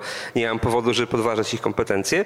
Oni mówią, że to dla przyrody tak naprawdę nie robi większej różnicy. Problem byłby wtedy, gdyby ci turyści mogli e, ze szlaków schodzić i sobie szwendać się swobodnie po Tatrach, czego nie mogą robić. I znowu, gdybyśmy mieli podać przykład nieetycznego zachowania w górach, to byłoby właśnie e, schodzenie z tych szlaków. No ale dobra, poczekajcie, zatrzymajmy się też przy tym, bo myślę sobie, tu powiedzieliście o pieniądzach, mówimy o tej lokalnej społeczności, że może lepiej, żeby oni tam pozowali do tych zdjęć, bo bez tego to by jednak nie żyli. Cały czas mówimy o pewnych relacjach między ludźmi, tak? Ludźmi, którzy są twórcami tego przemysłu turystycznego, turystami, firmami, agentami, hotelami i lokalnymi, tak? Z lokalną społecznością. A na okładce pisma mamy przyrodę, mamy zwierzęta, mamy jakby cały ten wątek planety. Planeta nie ma swojego rzecznika, no chyba, że założymy, że jest jakiś człowiek, który jest jej rzecznikiem, ale człowiek jest zawsze rzecznikiem człowieka. Czy to nie jest trochę tak, że jak podróżować odpowiedzialnie, to nie jest kwestia, no właśnie, czy podróżować, tylko że my już musimy podróżować odpowiedzialnie, bo za chwilę nie będziemy mieli gdzie podróżować. Moi znajomi wybierają się tego lata do Wenecji i to nie tylko chodzi o przyrodę, chodzi też o zabytki. No bo jednak jak tam zadeptujemy, no okej, okay, mówi, że nie schodzimy ze szlaku, tak? Ale po tym szlaku, po którym normalnie szło 100 tysięcy, teraz idzie 5 milionów, tak? No to kto to wytrzyma? Znajomi jadą do Wenecji i zastanawiają się, czy przypadkiem nie zwiedzać nocą, bo dostali foty, ile tam jest osób w ciągu dnia. Ktoś się z tego zaśmiał, a ja myślę, kurczę, może to jest jakiś patent. Ale teraz moje pytanie do Was otwarte jest takie czy to, to, jakby to nie jest już kwestia wyboru. My po prostu, my, człowiek płynie strumieniem. My jesteśmy taką ludzką po prostu tą ciżbą, o której pisze Ula, tak? I my zaciżbiamy te plaże, te puszcze. Już wszędzie byliśmy, już Olgierd Budrewicz po prostu nie ma takiej sytuacji, że stawiasz dziewiczo w ogóle stopę na jakimś pioniersko w jakimś miejscu. Czy to nie jest Marzena tak, że jakby nie ma odwrotu z tego, że my musimy się wycofać, tak? No, że nie możemy tam płynąć już, bo zaraz już te, te, te zabytki się całkiem zniszczą, te puszcze zostaną całkiem zadeptane i to się nie odrodzi, bo nas jest za dużo po prostu tam wszędzie. No, ale też już zostało powiedziane, że świat się skończy niedługo. Nie, no ale no nie, nie, no nie pozwalam na takiej no jak no, dyskusji, no, no, no słuchajcie. Oczywiście, że najprościej powiedzieć nie, ale jak to powiedzieć 8 miliardom ludzi, tym bardziej, że coraz więcej jednak osób podróżujących w tej chwili, w chwili to jest daleka Azja. Indusi, e, Chińczycy, e, mieszkańcy Singapuru, Koreańczycy, którzy zaczęli podróżować. Wcześniej nie było ich na to stać. I coś takiego jak to, że jest ochrona środowiska, że nie powinno się tyle produkować i śmiecić tak jak jeszcze do iluś osób nie dociera, to też nie dociera. No pewnie, że najłatwiej powiedzieć, powinniśmy tam nie jechać ciżbą, ale jakaś ci, którzy, ja tam byłam, tak? I ja tam, jak mówię, nie muszę jechać. I oczywiście, jak byłam po raz pierwszy w Tajlandii, to też byłam w tej Rynnie, czy jak byłam w Wietnamie, to łatwiej mi się było e, dołączyć do zorganizowanej wycieczki i, e, nie wiem, trzy dni na przykład być na takiej zorganizowanej wycieczce w Zatoce Halong, czy w Indiach, w Rajasthanie, bo to jest po prostu prostsze, tańsze, łatwiejsze e, logistycznie. Teraz już, ja już to widziałam i już tak jak mówię, nie muszę, ale wyobrażam sobie, że ktoś tam jednak pojedzie i trudno temu komuś powiedzieć, żeby nie jechał. Pewnie, że wszędzie można się urwać ze smyczy, bo ja najczęściej mówię jednak nie, nie urwać się ze smyczy. Czasami mam taką potrzebę, żeby się urwać. E, I e, tuż przed e, COVID-em byłam w Indiach, w takim bardzo, we wschodnich Indiach, w takim miejscu najrzadziej odwiedzanym. Nawet Indusi nie wiedzą, co to jest stan Chhattisgarh, zamieszkany przez pierwszą ludność, przez miejscowych aborygenów.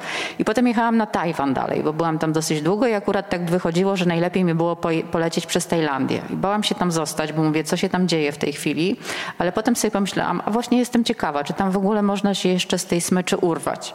I ktoś, kto tam mieszkał przez lata, e, podpowiedział mi, żeby pojechać stopem po parkach narodowych wzdłuż granicy z Mianmą i że tak podróżują Tajowie, bo to jest oni właśnie nie, tak jak ja nie idę na starówkę, bo nie mam potrzeby pójścia na starówkę w Warszawie, tak oni jak sobie gdzieś wyjeżdżają odpocząć, to jadą do parków narodowych i biwakują. I rzeczywiście tam się w namiotach da spać. I byłam z namiotem w Tajlandii, jechałam stopem i było to zupełnie inne doświadczenie. Tylko, że jak ktoś jedzie po raz pierwszy do Tajlandii, to nie tego szuka.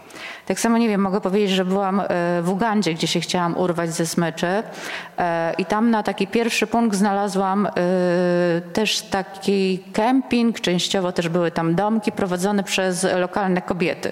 W Afryce też głównie kobiety zarządzają i to do nich należy to, żeby ta rodzina jakoś funkcjonowała. I potem z jednego takiego miejsca trafiałam w następne, bo pani mi polecały i to też w ten sposób przez miesiąc podróżowałam, znaczy no zupełnie inaczej, zupełnie innym szlakiem.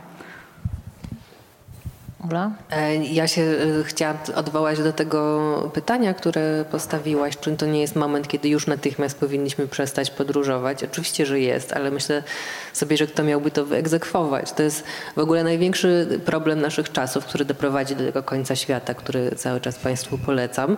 Tak samo jest e, jakby z ograniczeniem emisji gazów cieplarnianych. Powinniśmy to zrobić teraz, znaczy jakby w tej sekundzie już powinniśmy przestać w ogóle emitować gazy cieplarniane. E, no nie robimy tego. I tak samo jest z podróżowaniem. No teoretycznie powinniśmy przestać tę planetę zadeptywać, ale e, kto to wyegzekwuje? Ja piszę w tym eseju, że turystyka jest takim bardzo wyjątkową gałęzią przemysłu, bo ona umożliwia e, każdemu krajowi czerpanie zysków właściwie z niczego, bo po prostu każdy kraj ma krajobraz, każdy kraj ma kulturę, każdy kraj ma jak, jakąś naturę, tak? I to są rzeczy, które można sprzedawać, a nie, nie, nie, trzeba nic w zysku z tym żadnych kosztów ponosić, tak? Może tam jakąś podstawową infra, infrastrukturę, ale jednak no to jest taka branża, którą jest najłatwiej. No COVID trochę to zmienił, ale wcześniej było tak, że jak były różne gospodarcze zawirowania, to kraje często się zwracały w kierunku turystyki, bo to było takie najbardziej oczywiste po prostu. No, na tym możemy zarobić. Nawet najbiedniejsze kraje, które nie mają żadnych innych zasobów, często po prostu mają to.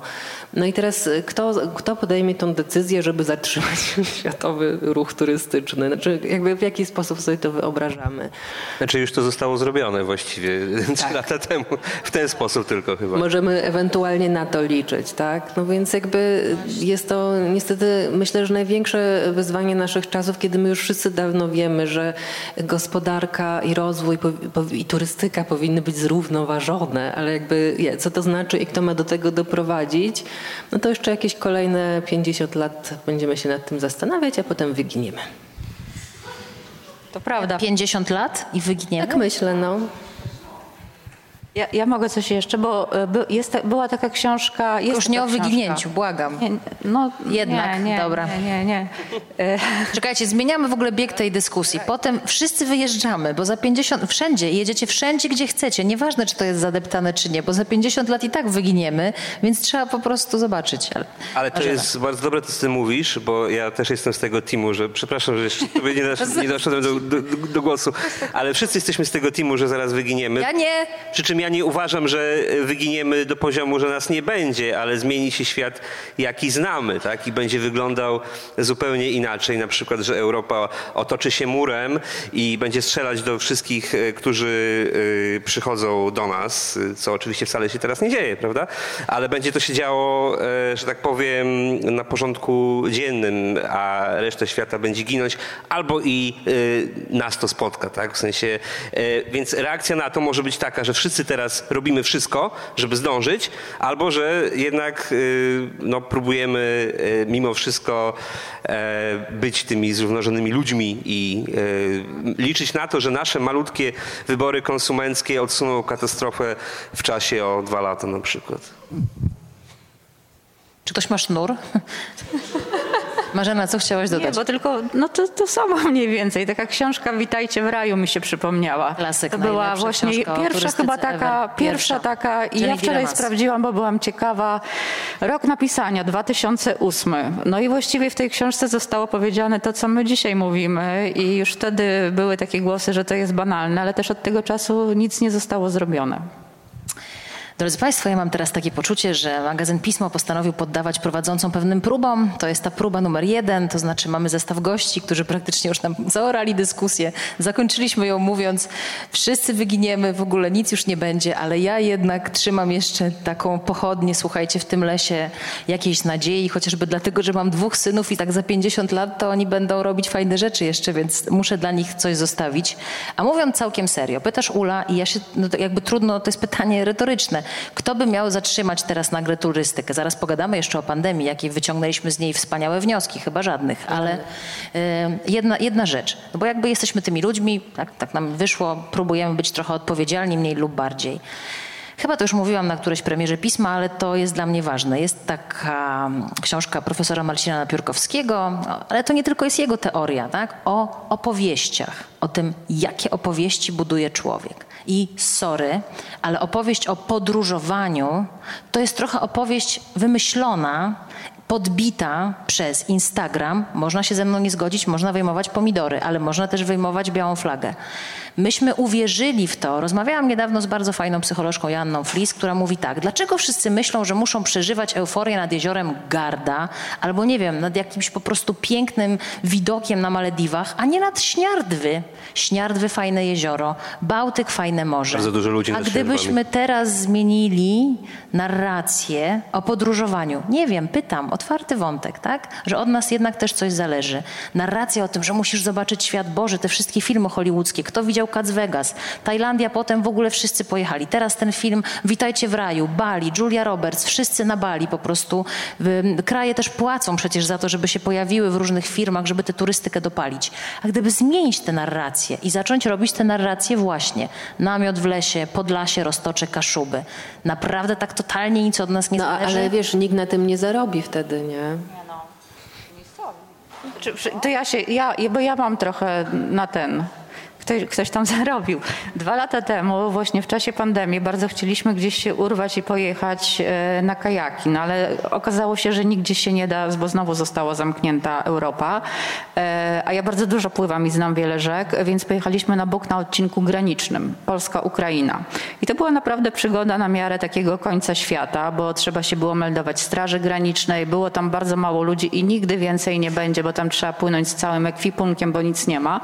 Ale opowiadam to, bo były z nami dwie córki znajomych w wieku lat 19-20 i właśnie okazało się, że one nigdy wcześniej nie spały pod namiotem, nie były w Polsce, były na Kostaryce, były w Tajlandii, były wła- właśnie, co prawda jak była rano burza, to jedna zadzwoniła do taty w drugim namiocie, ale im się bardzo podobało i w ogóle właśnie też opowiadały, że były w Tatrach nad jakimś tam okiem i to jakieś tam oko też im się podobało.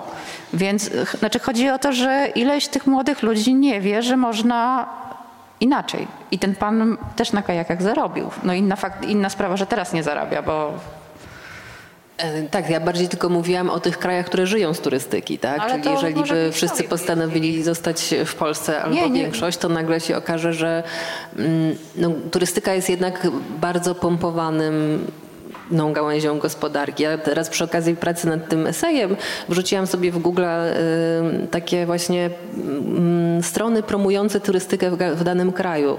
Są takie, prawda, jakieś, no, są rządowe przeważnie agencje. No i tam wszyscy rekordy, cieszymy się, kole- 6 miliardów, ileś tam po prostu hajs, miliardów hajs, ludzi, hajs. przy, milionów, przepraszam, e, przyjechało, a za 5 lat przyjedzie 7 i jakby to jest wszystko podawane w takiej, mm, w takiej narracji na zasadzie to jest wspaniale i e, no rozumiem, że oni to robią dla pieniędzy, tak, no bo prezentują, że zarobiliśmy tyle i tyle pieniędzy. No i teraz oczywiście ja bym się bardzo cieszyła, gdyby e, wszyscy jeździli na, mm, do Puszczy Białowieskiej i nad Biebrze, ale jakby no co wtedy z tymi krajami? nie? nie wszyscy, ale połowa powiedzmy. A też e, nie wiem, może też może warto tak spojrzeć, że w Afryce, tak od razu sobie przypomniałam przykład, że dużo nas Mzungu jedzie oglądać wodospad Wiktorii, ale tam też było dużo turystów z Botswany, że my sobie na przykład nie zdajemy sprawy, że w różnych częściach e, świata też są kraje, które są coraz bardziej, e, znaczy ludzie zarabiają coraz więcej i też chcą coraz więcej od życia. I to, to był taki przykład. No właśnie, tylko tą opowieścią, którą myśmy dostali, to jest, że jak chcesz więcej od życia, to masz podróżować. Ale z Botswany można lądem dojechać do Zambii, a nie samolotem. No, to, no dobra, no to może oni niech tam jadą, ale my już, którzy samolotem, no pytanie, jak oczywiście te kategorie stworzyć. Nie wiem, szukam pomysłów rewolucyjnych. A na przykład Kuba taki bojkot biur podróży masowych. Nie jeździmy do, na last minute, nie jeździmy, żadna Turcja, Grecja, żadne tam Rainbow, Itaka, co tam jeszcze, Grekos, nie jeździmy. Bojkot takich masowych, no bo przecież jak my teraz rozmawiamy, to wiecie, kolejne setki samolotów lecą, nie? Turystów, którymi kto nigdy nie był na all inclusive, niech pierwszy rzuci kamieniem. Natomiast no może właśnie zrobić, żeby, jeżeli już mówicie, że mamy za te 50 lat umrzeć i turystyka też się jakoś do tego przykłada, no to trzeba zaciągnąć ten ręczny. Może to by był ten ręczny. Znaczy, no przede wszystkim znowu, e, kto miałby wprowadzić ten zakaz działalności masowych biur podróży? Poza tym, gdybyśmy e, zakazali działalności pierwszej trójki największych biur podróży, to klienci ich natychmiast przeszliby do innych biur podróży, które by stały się nową pierwszą trójką e, biur podróży. A ponieważ klienci chcą takiego wypoczynku, przecież to nie jest to, że nas biura podróży zmuszają do e, wypoczynku all inclusive, więc momentalnie, więc ta, ta nisza, nisza, to nie jest nisza, to jest większość, więc po prostu tego się nie da zatrzymać i też nie uważam, że należy to zatrzymać, skoro jest taka potrzeba. Właśnie lepiej, paradoksalnie, lepiej sobie siedzieć w takim hotelu e, należącym do wielkiej sieci, który spełnia określone standardy, który ma e, gospodarkę wodną, e, ściekową, ogarniętą, a wielkie sieci są do tego zobowiązane, mają swoje wewnętrzne polityki i w, jest taka deklaracja w ogóle branży turystycznej, którą na szczycie w Dublinie w 21 bodajże roku podjęto Tourism Declares i to jest deklaracja e, najważniejszych turoperatorów z całego świata, co oni zrobią dla zrównoważonej turystyki e, w przestrzeni tam do 2030 roku bodajże, tak? No i e, oczywiście te wielkie sieci hotelowe próbują wyprzedzić te swoje cele, deklarując, że one wypełniły to i to do, już, już w tym momencie na przykład, tak? Czyli jeżeli spędz... No i oczywiście informują, komunikują o tym, bo przecież muszą się czymś wyróżnić na tle konkurencji, a konkurencja w dziedzinie zrównoważonej turystyki wśród tych wielkich sieci hotelowych też jest duża. Więc jeżeli mamy informację taką, najlepiej jeżeli jest weryfikowalna, niektóre nawet sieci udostępniają takie dane, no ale bądźmy już, nie, nie róbmy tak głębokiego reporterskiego researchu, wierzmy tym deklaracjom sieci, e, że ten hotel, do którego jedziemy, spełnia wszystkie normy środowiskowe, zatrudnia lokalnych mieszkańców i to nie tylko na stanowiskach kelnerów i bojów hotelowych, ale również na stanowiskach menedżerskich.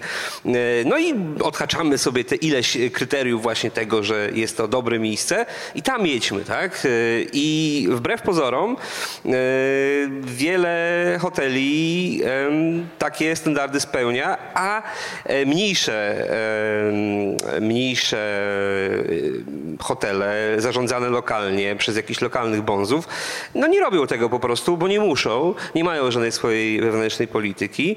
E, i może się okazać, że pobyt w takim Hiltonie, Sheratonie czy czymkolwiek innym, czy Movenpicku może być bardziej właśnie odpowiedzialny, zrównoważony i tak dalej, i tak dalej, niż pobyt właśnie w, lo, w lokalnej sieci hotelowej, czy też u lokalnego, lokalnego e, przedsiębiorcy turystycznego. To wszystko jest oczywiście, e, można robić kolejne ale, ale i tak dalej. Po prostu znowu e, tu wracamy do tego, że trzeba niestety myśleć przy wyborze tych naszych miejsc, destynacji, do których jedziemy, albo zdać się znowu na certyfikowanego turoperatora, który nam daje gwarancję albo my wierzymy w tą gwarancję, że e, te wybory, które podejmiemy, będą zrównoważone. Ale wiecie, że wy się teraz nie zgadzacie, to znaczy... Bardzo e, dobrze, bo jakbyśmy się cały czas zgadzali, to... Nie, bo właśnie zapałam to, że jak opowiadałaś, e, opowiadaliście o tym, że... Bo ja, bo ja też, bo ja sobie tworzę ten, ten poradnik czy przewodnik dla świadomego turysty. Z jednej strony mówicie jechać gdzieś, lokalsi, spać u lokalsów, lokalny transport. Teraz Kuba wchodzi cały na biało, mówi Hilton, Tajlandia, jakiś duży hotel. To jakby, ja wiem, że być może obie opcje są dobre, dlatego zastanawiam się jakby co wybrać. Powiedziałam żadnych dużych żadnych hoteli. dużych hoteli. E, ja generalnie chciałam e, w ogóle zmienić temat, bo, bo, przypomniało, bo przypomniało mi się coś bardzo fajnego. Mianowicie w tym eseju, taki mały spoiler, piszę o tym, bo też się tak zastanawiałam, no i ten koniec świata i nie chciałam kończyć tym końcem świata, bo chciałam jednak coś napisać trochę optymistycznego i znalazłam takiego pana nie pomnę jak on się nazywa, spra sprawdzą sobie Państwo w, w tekście, który wymyślił takie pojęcie geoturystyki, czyli turystyki, która jakby dba o miejsce i nie nadwyręża go. I on zaproponował, oczywiście to też jest utopijny pomysł, ale gdzieś zmienia trochę perspektywę, bo on zaproponował, żeby przestać patrzeć na turystykę od strony nas, czyli ludzi, którzy jeżdżą i spojrzeć trochę od strony ludzi, którzy tam są. E, bo to tak naprawdę oni tam mieszkają i e, oni to wszystko organizują i oni powinni mieć również wpływ na to, jak to wygląda. Czyli on zaproponował, żeby o tym, jak ma wyglądać ta turystyka, decydowały takie rady złożone z mieszkańców, NGO-sów, czyli organizacji pozarządowych, naukowców, właśnie przedstawicieli przemysłu turystycznego lokalnego, nie, nie Hiltona i E, i, i, i, władz, tak? I żeby zamiast myśleć o tym, czy my mamy tam jechać, czy my mamy tam jechać i zaszczycić naszą obecnością to miejsce, to żeby właśnie lo, lokalne grupy zdecydowały się, ile turystów oni są w stanie przyjąć, na jakich zasadach, jakby ile oni są w stanie znieść, tak żeby ich kultura i żeby ich um, natura, nie, ich zwyczaje, no i życie nie, nie, nie zostało w jakiś sposób nadwyrężone. E, oczywiście no, trudno sobie wyobrazić, że wszędzie takie rady powstaną, ale on podaje przykład e, Barcelony, która została bardzo zniszczona przez turystykę, gdzie rzeczywiście powstała taka rada, która w jakiś sposób działa, jeszcze do końca nie wiadomo czy dobrze, bo pandemia na dwa lata jakby e, trochę zaburzyła statystyki, ale on proponuje właśnie to spojrzenie od innej strony, że zamiast oddawać te wszystkie decyzje biurom turystycznym i rządom, które pompują te po prostu liczby, to oddajmy je mieszkańcom i jakby lokalnym ludziom, którzy mogą powiedzieć, ile są w stanie znieść na jakich zasadach. I to mi się wydaje bardzo takim fajnym podejściem. To pogadajmy jeszcze chwilę o pandemii, to znaczy w kontekście turystycznym, tak? E, ona się zadziała, świat się zatrzymał, samoloty nie latały, odkryliśmy las przy domu zamiast w czasów gdzieś. Ale już bez złośliwości czy bez jakichś tam uśmiechu pod nosem. Co pandemia faktycznie z Waszej perspektywy, z Waszych obserwacji, z Waszych doświadczeń, z rozmów Waszych z różnymi ludźmi, którzy z turystyką są związani, zmieniła w turystyce na dłużej, e, czy, czy nic? Jakiego rodzaju to było doświadczenie długofalowo? Bo już możemy powoli, jak pandemia była, no to jak ona zmieni, tak? No już patrzymy, że jakoś zmieniła, tak? Marzena, jak ty to widzisz? Takie praktyczne coś, to na pewno bilety samolotowe są dużo droższe. Zwłaszcza na długich trasach, to raz. A dwa, y, wiele osób, które podróżowało już wcześniej, no powiedzmy świadomie albo więcej, zostało gdzieś nagle zamkniętych i okazało się, że wszystkie nasze doświadczenia i to, że nam się wydawało, że zawsze da się wrócić, to rozbiły się o nic. Zresztą ja sama ostatnim samolotem z Filipin wróciłam, ale... Z Indii. No, to lepiej. I y, znaczy, ja na przykład miałam coś takiego, że e, zatrzymałam się bardziej w Europie, ale nie dlatego, że się boję tam dalej gdzieś jechać, czy że jest to droższe, tylko że okazało się, że tam właśnie stało się to bardziej skomplikowane, bo uwiązane do czegoś, że były różne reguły, trzeba było czegoś przestrzegać, e, gdzieś trzeba się było rejestrować i mnie to męczyło, bo ta taka najważniej, to najważniejsza rzecz, jedna z ważniejszych rzeczy dodanych w podróżach, czyli wolność, została utracona. No I gdzie ileś takich e, rzeczy wydaje mi się, że zostało. Być może część ludzi przekonała się do podróżowania bliżej, rzadziej, z tych, których ja znam, jak mówię, ale znam też takich, którzy, do których to nie trafia i jak tylko te samoloty zaczęły latać, to dwa dni na Grenlandię jest dobra okazja, proszę bardzo. Zresztą na, na, na Grenlandii to też jest właśnie taki przypadek. E, jest tam tylko jedna taka droga bita 30-kilometrowa e, z lotniska głównego do Londynu do lodu i główna atrakcja bogatych panów z zachodu w tej chwili to przylecieć na dwa dni na urodziny na Grenlandię i pojechać sobie tam z szampanem albo z whisky, odłupać lodu i zrobić toast. Naprawdę? Mhm. No ja właśnie jak zaczęła się pandemia byłam e, w Indiach na Goa e, w takiej małej wioseczce i tam właśnie pamiętam ten taki obraz, że siedzieli ci ostatni te cyfrowi nomadzi i jacyś uczestnicy kursów jogi i sprawdzali w panice i po prostu wszyscy mówili, że z Francji nas nikt nie odbierze, a Niemcy mówili po nas lecą, po nas lecą. Ja tam z Polski też przy, przysłali samoloty, przysłali, a ci miejscowi, te chłopaki z tego ośrodka płakali, mówili nie odjeżdżajcie, z czego my będziemy żyli, po prostu przecież my tu zostaniemy, jakby no, z łzami w oczach nas, nas żegnali, już nam dawali jakieś super ceny na koniec po prostu. Mówili, Boże, dopiero się zaczyna sezon, a, my, a znaczy nie kończy się sezon, a z czego my będziemy żyć? No i potem przez dwa lata tam właściwie nie było turystów i teraz jak się dowiadywałam, jak tam wygląda sytuacja w tym miejscu, no to okazało się, że przez te dwa lata zaczęli przyjeżdżać tam po prostu Indusi.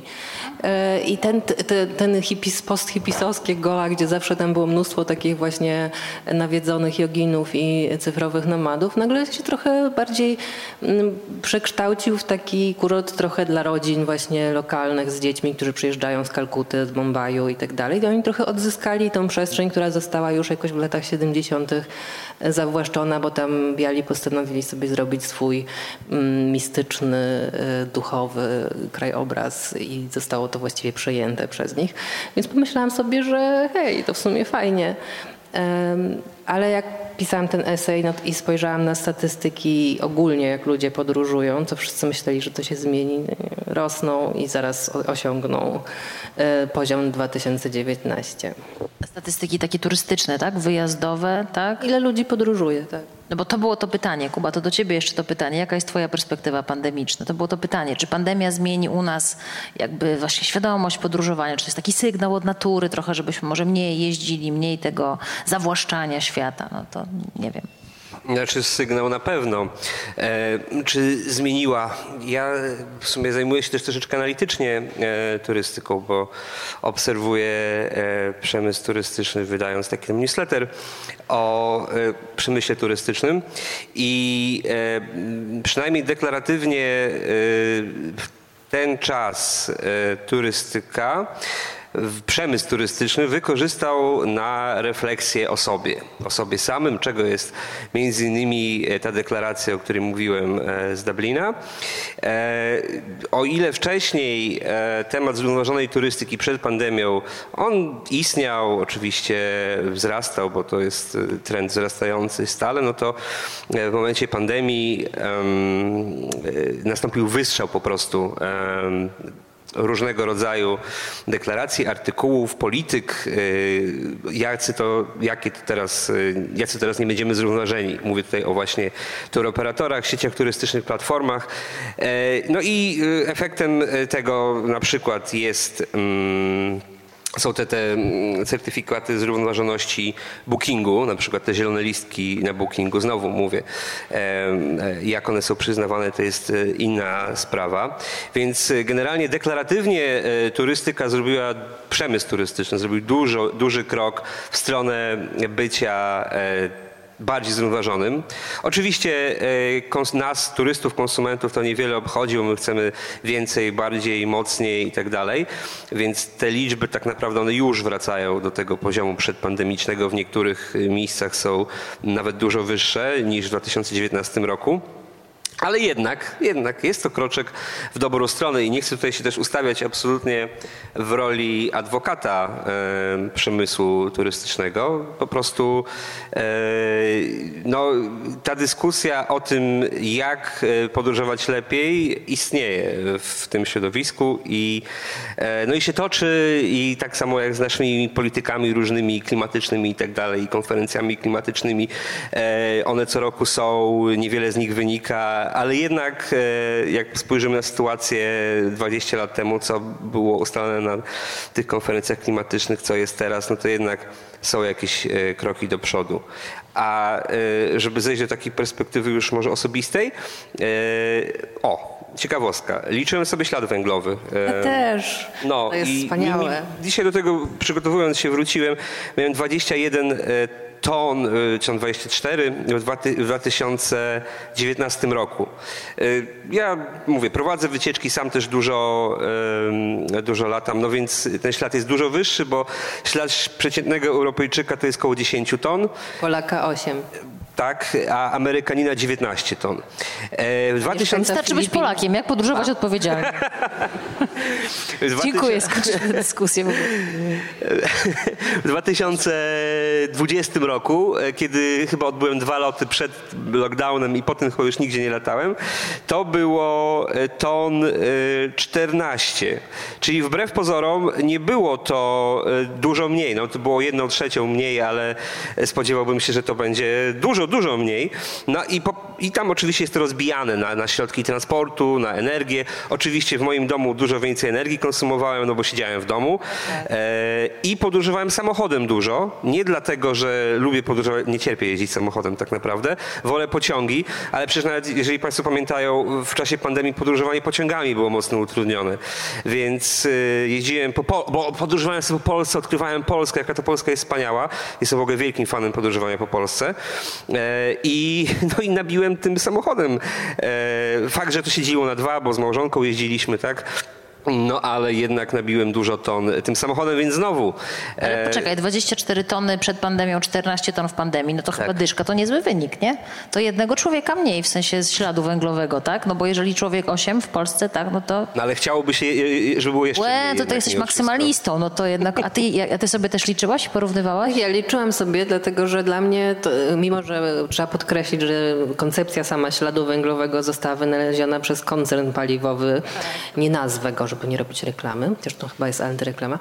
I, I tak e, się mówi, że to po to, żeby przerzucić właśnie ten ciężar odpowiedzialności na ludzi, żeby sobie się zastanawiali, czy ja za dużo tutaj w ogóle nie istnieję, e, podczas kiedy tak naprawdę to nie, nie jest nasza rola, żeby zrobić, podjąć jakieś decyzje, tylko władz. Ale ja sobie obliczyłam, bo uważam, że jeżeli ktoś myśli o mm, środowisku, o, o swoim życiu i o tym, jak wpływa na, na planetę, to to jest dobry wyznacznik, bo właśnie mieszkaniec Stanów ma 19 ton, a Filipin dwie. I w tym momencie, żeby mm, świat nie spłonął, wszyscy musimy mieć dwie tony. Ja mam tam 6 i jakby 80% tego, bo resztę już bardzo ograniczyłam, e, no to są właśnie te loty, tak? Niestety, bo ja dużo podróżuję, ponieważ jest to mój, mój trochę zawód, a trochę sens życia. E, Ale warto jest sobie na to spojrzeć, bo jeżeli myślimy o tym, to warto jest zobaczyć, gdzie możemy coś ograniczyć e, niespecjalnie dużym e, jakby wy- wyrzeczeniem. No nie, nie powie komuś, kto, nie wiem, musi jeździć samochodem, że natychmiast ma przestać, ale są takie na przykład obszary, gdzie możemy coś ulepszyć. Ja, ja jestem fanką tego pomysłu, chociaż oczywiście zawsze trzeba mieć w pamięci, że to, że to, że to koncerny za tym stoją. Może myślałam, że w pamięci, że za 50 lat wszyscy umrzemy, już się po prostu... Może widzę, że naprawdę cię straumatyzowałam. Troszeczkę, ale Ja to nie, pierwszy miałam raz, zamiaru. spokojnie. Marzena, czy też chcesz się dołączyć do liczenia śladu węglowego, zanim po- policzymy Ja, ja liczyłam kiedyś, nie pamiętam, kilka lat temu i tak sobie właśnie uspokajałam swoje sumienie, że tyle lat już nie jem mięsa, 30 parę, że nie mam samochodu. No, ja jako nastolatka przestałam. E, I że nie mam samochodu i to, że siam to, ale to jest tak naprawdę tylko uspokajanie sumienia i własne tam lepsze samopoczucie, bo samoloty najwięcej w moim przypadku też produkują i po prostu ile bym nie chciała, to po prostu jeden lot mniej załatwia całą resztę. Ja już nie ograniczę nic więcej. Mówię wam, śniardwy zamiast Malediwów i bojkot dużych biur podróży. Ale to tak, to bym Ja chciała. mam że na przygotowane takie transparenty w plecaku. Mo- mogę, że Oczywiście. właśnie niestety te samoloty są w, na krótkich trasach często tańsze i ludzie dlatego latają, bo jest to lep, lepsze, znaczy tańsze, szybsze niż pojechanie pociągiem czy pojechanie autobusem. I naprawdę trzeba być świadomym. W tamtym roku na Gotlandii, no mi było łatwo po, popłynąć na Gotlandię z rowerem, bo jeden prom przez Sztokholm, drugi prom, ale przyjechała dziewczyna z, ze Szwajcarii też z rowerem i też lądem, ale dlatego, że ona była już tego świadoma, bo jak rozmawiałyśmy, jechała pociągami przez Niemcy do Kolonii i stamtąd y, promami. Chociaż powiedziała, że taniej i szybciej byłoby samolotem. Ja się mogę do tych śniadrów jeszcze doczepić? Bardzo proszę. E, Bo akurat śniadrwy nie są takim dobrym przykładem, ponieważ jest to miejsce naj, tak? A my właśnie podróżując szukamy tego top ten e, tych miejsc naj. Śniadrwy, największe jezioro w Polsce, zaraz niedaleko jezioro Hańcza, najgłębsze jezioro w Polsce. Akurat Hańcza nie jest taka turystyczna, bo jest już daleko na północ, ale no śniadrwy są oblegane przez turystów. I teraz sposobem e, kolejnym, żeby troszeczkę te nasze e, podróże czynić mniej złymi, e, jest wybieranie tych destynacji drugiego wyboru, tak? Czyli nie jedźmy sobie e, do, na Śniadrwy, tylko pojedźmy sobie na jakieś mniejsze jezioro gdzieś tam dalej, albo w ogóle zamiast Mazur wybierzmy po Jeziorze Pomorskie, które jest no, lepsze pod względem takim, że nie ma tam tylu ludzi i nie jest tak skażone turystyką. Oczywiście mając z tyłu głowy to, że jeżeli my tam zaczniemy jeździć, ja to będę polecał też czy w podcaście, czy tutaj Państwu e, i teraz wszyscy słuchacze też pisma, e, jak słuchacie tego podcastu już w przyszłości, to mm, pojedziecie na Pojezierze Pomorskie i nagle stanie się tam dokładnie to samo, co stało się na Mazurach kilkanaście lat temu. I to jest jakby błędne koło, dlatego wszyscy umrzemy, tak? Mówię wam, jedyna opcja jest taka, bardzo poproszę o wyczarowanie mikrofonu, którym będziemy się z Państwem nawet nie dzielić, tylko który jest w ogóle Waszym udziałem. Jedyna opcja jest taka, żeby wszystkie oszczędności odłożone na podróże zainwestować w chatę pod, w dom w lesie i tam sobie jeździć w ramach swojego podróżowania i uprawiać coś, co już dawno w Polsce wprowadził Łukasz Długowski, a nazywa się to mikrowyprawy. I można sobie mikrowyprawować nawet do własnego ogródka. Kochani, kto ma ochotę się włączyć? Można, nie trzeba, ale dlaczego by nie? A proszę bardzo, zapraszamy od razu. Wiadomo jak jest, że jak stoimy z mikrofonem na końcu sali, to głos jest z początku, bo to liczymy kroki. Dzień dobry. Ja mam pytanie, bo tutaj padł temat tych mikropodróży, ale mamy też w Polsce wykluczenie komunikacyjne i nawet jak na przykład ja bym chciała pojechać w jakieś miejsce nie samochodem, to tak średnio mogę, albo muszę mieć bardzo dużo czasu i cierpliwości. W trakcie pandemii dużo busów poupadało też w mniejszych, mniejszych miejscowościach i okej, okay, no tutaj mówimy sobie, okej, okay, ja nie chcę jechać samochodem, ale właśnie pytanie, na ile podróże wpływają właśnie e, na to jeżdżenie samochodem, na, a ile właśnie jest styl życia, wyprowadzanie się właśnie pod miasto, dojeżdżanie codziennie samochodem e, do miasta i z powrotem. Jak się patrzy nawet w Warszawie, e, jak wyglądają samochody, to większość samochodów to jest tylko jeden kierowca. I ja ostatnio też miałam tę sytuację, że chciałam też pojechać w Polsce i nie mam samochodu, musiałam go wypożyczyć, bo nie byłabym w stanie dojechać do tego miejsca, gdzie bym chciała. I teraz pytanie, czy ja jako ja mogę to zmienić? No nie bardzo. Potrzebna jest jakby no i pytanie właśnie, na ile te mikropodróże rzeczywiście wpływają. Bo wydaje mi się, że większość ludzi po prostu się przesiada na samochody. Mamy też samoloty do Krakowa i sprawdzałam ostatnio cenę samolotu z Warszawy do Krakowa. Było taniej niż Pendolino. Oczywiście, prawda? Oczywiście. Moja znajoma ze Szczecina właśnie wczoraj wracała, bo było taniej niż pociągiem, samolotem. A czasowo wychodzi podobnie. Czy pani to pytanie komuś tu konkretnie adresuje z naszego grona? Czy tak ogólnie chce pani do kogoś konkretnie to pytanie? Czy to tak ogólne, jak te mikropodróże, jak na to patrzycie? Czy właśnie te mikropodróże bo rozumiem, to jest takie trochę pytanie, te mikropodróże, czy one faktycznie są takim rajem, tak? Takie zbawienne. Kto z Państwa ma ochotę odpowiedzieć?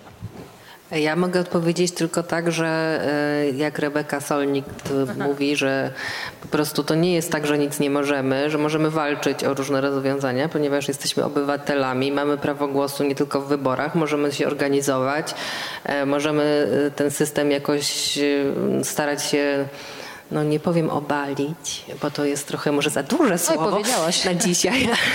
Ups. Jakoś go troszkę zmodyfikować i jeżeli ktokolwiek ma tego dokonać, to my, więc jeżeli nie ma um, jakiegoś połączenia, to y, super by było, gdyby mieszkańcy się zorganizowali i jakoś o to walczyli. E, więc ja też, e, co też robię w swojej książce Światy wzniesiemy nowe, zawsze namawiam ludzi, żeby jednak e, no, poczuli czasem jakąś taką swoją sprawczą energię w walce o takie różne, no można powiedzieć drobiazgi, ale one właśnie często są bardzo ważne. To, o czym pani mówiła, to ciekawe policzyć taki właśnie ślad węglowy na przykład z tym samochodem, tak, który trzeba wynajmować. Tak też trochę rozumiem pani tutaj trochę pytanie, trochę komentarz, tak, że czy on, czy, czy on faktycznie nie byłby to, o czym mówił Kuba, tak, co naprawdę konsumuje. No, dziewczyny mówią, że jednak, ja nie liczyłam sobie śladu węglowego jeszcze, e, że to są faktycznie samoloty, tak. No, Zależy, samo... no, jakież, no, jakież mięso, y, o właśnie. tam są różne rzeczy. Właśnie. No, U was to było? Właśnie o to chodzi. Jest łatwo wtedy zobaczyć, co w twoim życiu ma największy ślad węglowy, a nie generalnie, co ma, no bo generalnie e, z tego co pamiętam, to są właśnie takie rzeczy e, jak mięso i e, no, dzieci. Mhm. Słuchaj Heniek, muszę ci coś powiedzieć. Wiesz. Nie będę oczywiście śladu węglowo szejmować nikogo, bo to są właśnie takie potem przepychanki. Oj tam, oj tam. Wyganie szejmują mięsożerców, bezdzietnice nie, no szejmują no, bo to, bo, tak, rowerzyści, tych, co latają samolotami i, i, i, popadamy w takie wojny, a koncerny paliwowe tylko liczą dolary. E, więc jakby nie będę tego robić, natomiast e, no, każdy w ten sposób może zobaczyć, co w jego życiu powoduje największy ślad węglowy. Tylko, że z tymi dziećmi to wiesz, też jest inne życie, jeszcze dochodzi do tego. E, kto ma jeszcze z Państwa ochotę coś włączyć do tej dyskusji? Tam mamy, widzę, dłoń podniesioną wysoko, chociaż z tyłu. Dzień dobry. Dzień dobry, dziękuję bardzo za, za rozmowę, dużo ciekawych wątków. E, ja tylko o tym śladzie węglowym, bo też trochę się tym zajmuję, że faktycznie tutaj rozpropagowany był przez koncert paliwowy i trochę to było o takim odwracaniu uwagi, ale musimy pamiętać, że jednak koncerny paliwowe to najwięcej zarabiają właśnie na największym śladzie węglowym, bo one produkują paliwo do samolotów, do samochodów, więc tutaj to nie jest tak, że w interesie tego czy innego koncertu jest to, koncernu jest to, żebyśmy my ograniczali. W ich interesie jest to, żebyśmy my jak najwięcej korzystali, więc tutaj ślad węglowy była taka akcja, ale generalnie to jest w nauce używane szeroko uznane narzędzie i to nie jest żaden tylko do BP czy kogoś tam innego należne. A druga rzecz, chciałem tutaj panią y, Urszulę Jabłońską zapytać, bo bardzo się cieszę, że przywołała pani Rebekę Solnit i, i to, że możemy się organizować i walczyć. Mam tylko pytanie, o co walczyć w kwestii turystyki i podróżowania, po to, żeby ten ślad węglowy i ten nasz wpływ był mniejszy. Co musiałoby się w tym systemie zmienić, żeby, żebyśmy jednak nie, nie lecieli jak tą y, w tą ścianę, y, jak tutaj sobie powiedzieliśmy, że, że czeka nas wymieranie albo strzelanie do ludzi na granicy? E, no ja już troszkę odpowiedziałam na to pytanie, bo y, jakby zadałam je całym swoim tekstem, który możecie przeczytać w piśmie. I no, tak jak powiedziałam, chyba do mnie najbardziej właśnie przemawia e, takie jednak postrzeganie się nie jako tą ciżbę, tylko jako, jako jednostki. To znaczy my mamy wybór i my możemy ten wybór wykorzystać, czy do tego, żeby lecieć, żeby nie lecieć na Malediwy, tylko na to nieznane tajemnicze jezioro, e, na którym jeszcze, nie właśnie, na którym jeszcze nikt nie był. E, może, możemy ten swoją wolny wybór użyć do tego, żeby nie, żeby polecieć do Grecji i nie, nie na Santorini, tylko w jakieś miejsce, gdzie damy zarobić komuś lokalnemu, które jest piękne i jeszcze um, nie ma tam tłumu. Więc jakby mamy ten wybór i możemy go używać. I tak samo jak ludzie, którzy mieszkają w turystycznych miejscach, mają też e, wybór, mogą się zorganizować, zawalczyć o kształt tej turystyki. Znaczy innej broni wymierzonej w system my nie mamy.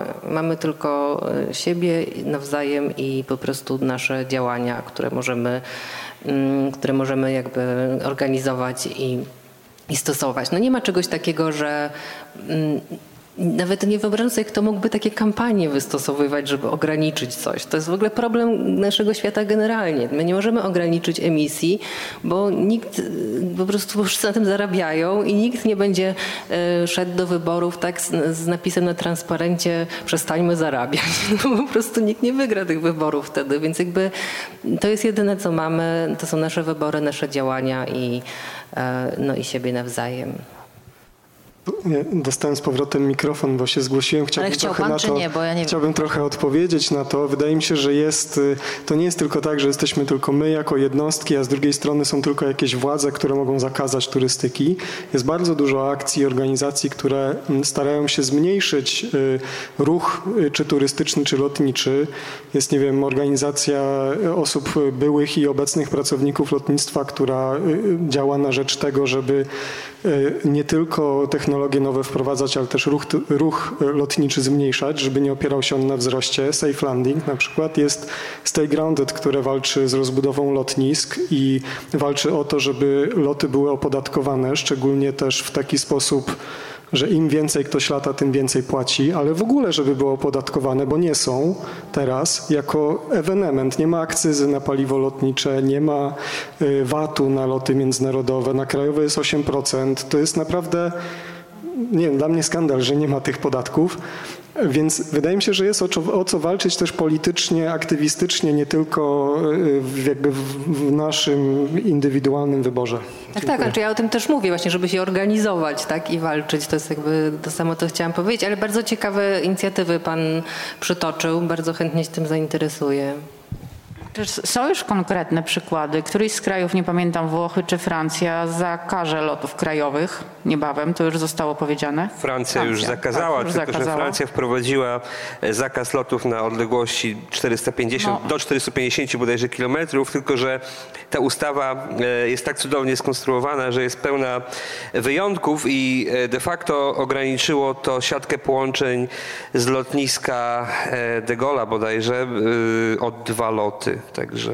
Ale to tylko pokazuje, że od czegoś trzeba zacząć. No jasne jest. A druga rzecz, krok w dobrą no, stronę. A druga rzecz fajna, która była w tamtym roku, to bilety za 9 euro przecież w Niemczech, które pokazały, że jednak ludzie chcą jeździć. Jeżeli nie jest drogi transport i dobrze zorganizowany, to ludzie będą jeździć. Sama jechałam.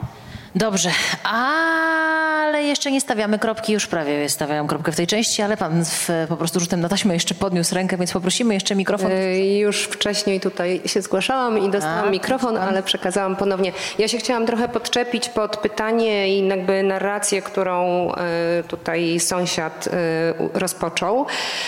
Oczywiście na przykład dla mnie to jest jakoś dziwne, że to nie padło ze strony plenum tutaj czytaj grupy panelowej, że paliwo lotnicze nie jest opodatkowane i że to jest fundamentalny skandal i jak porównujemy to e, z paliwem samochodowym, to jakby dlaczego? E, I wszyscy jesteśmy tego beneficjentami i mm, jakby chcę to rozwinąć trochę dalej, że czuję się zawiedziona, że w takim środowisku jak to tutaj w piśmie, które możemy traktować jako no, progresywne, może bardziej lewicujące, bardziej otwarte na, na jakieś takie właśnie wrażliwe kwestie, e, nie słyszymy, to znaczy cały czas słyszymy słyszymy nie da się, nie możemy, to jest niemożliwe, wszyscy tutaj jakby no niby chcemy, ale tak naprawdę to się nie da yy, i nie nazywamy rzeczy po imieniu. Tak padła informacja o opowieściach i jakby ja mam wrażenie, że ta opowieść, którą słyszymy tutaj jest takim trochę uciszaniem naszego głosu sumienia. To nie chodzi o to, że, bo ja zdaję sobie sprawę z tej interpretacji, że liczenie własnego śladu węglowego yy, może być odbierane jako zrzucanie na konsumenta całej odpowiedzialności. Totalnie jestem w tym nurcie, że tak nie może być, że tylko my jako konsumenci będziemy się samobiczować, a korporacje będą dalej nakręcały sprzedaż, ale my jako konsumenci mamy wpływ i na korporacje, i na polityków, i na polityków lokalnych, i na polityków globalnych. I nasza narracja, i nasza opowieść, i jakie opowieści będziemy sobie opowiadać, i o jakich rzeczach będziemy mówić, czy jest możliwe, czy nie jest możliwe, jakby buduje naszą świadomość i budują naszą gotowość do działania. I jeżeli ja nawet w takim środowisku jak tu słyszę tylko to, że się nie da, że to jest jest niewyobrażalne, no jak właściwie zatrzymać to? I, i właściwie to tak naprawdę no jest problem, ale tak do końca no to właściwie nie ma na to żadnego rozwiązania. I w każdym kolejnym zdaniu padają kolejne usprawiedliwienia, dlaczego nie możemy tego ograniczać, kiedy na przykład mówimy, że tam pracują ludzie, no tak, w fabrykach samochodów też pracują ludzie, w kopalniach węgla też pracują ludzie, tak? I jakby mimo wszystko próbujemy tworzyć mechanizmy, które będą powodowały, oczywiście nie z dnia na dzień zwolnienie wszystkich górników, są mechanizmy osłonowe, są programy programy na przekształcanie y, różnych miejsc i, i, różnych zatrudnień w inne zatrudnienia. Jeżeli sobie damy taką łatwą wymówkę, że po prostu y, no ci wszyscy ludzie pracują w turystyce, więc jak się skończy turystyka, to oni umrą z głodu, to to jest fałszywa narracja po prostu. I jakby, no ja się czuję mocno zawiedziona, że nawet w tak progresywnych środowiskach, jak tutaj nie nazywamy rzeczy po imieniu, czyli to, że przemysł samolotowy, turystyka samolotowa zabija tą planetę. Tak samo jak zabija ją przemysł mięsny. I jeżeli jakby przypudrowujemy sobie ciągle te narracje, ciągle je uróżawiamy, e, to tak naprawdę stłumiamy te głosy. To nie chodzi o to, że ja uważam, że my z dnia na dzień jesteśmy w stanie zmienić system, tak? Bo nie jesteśmy, oczywiście. Ale żeby go zmienić, trzeba sobie najpierw wyobrazić to, że możemy go zmienić. A ja w tej historii usłyszałam głównie to, że nie możemy go zmienić. I dlatego jestem bardzo jakby zawiedziona, bo w ten sposób wpisujemy się w całą tą kapitalistyczną narrację, która nam mówi, że tylko jeden świat jest możliwy, tylko jeden świat wzrostu. No to tutaj mamy tylko jeden świat, gdzie jednak podróżowanie na dalekie dystanse jest ok. A wszyscy wiemy, że nie jest ok. I to jest taka, taka trochę hipokrytyczna postawa.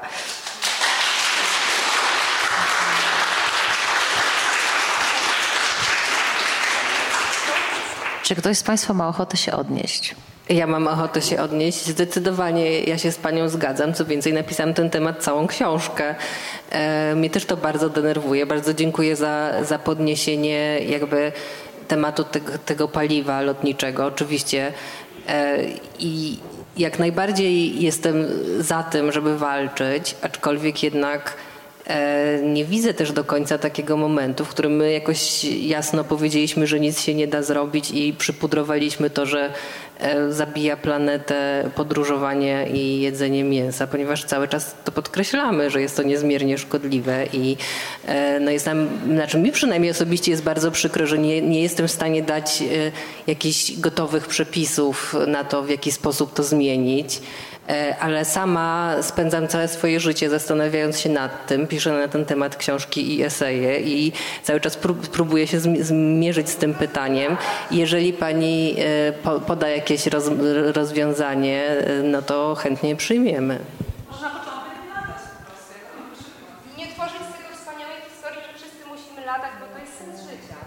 Ale oczywiście, że nie musimy wszyscy, ale ja mogę powiedzieć, co ja zrobiłam. Nie latam teraz 10 e, razy w roku, tylko raz w roku.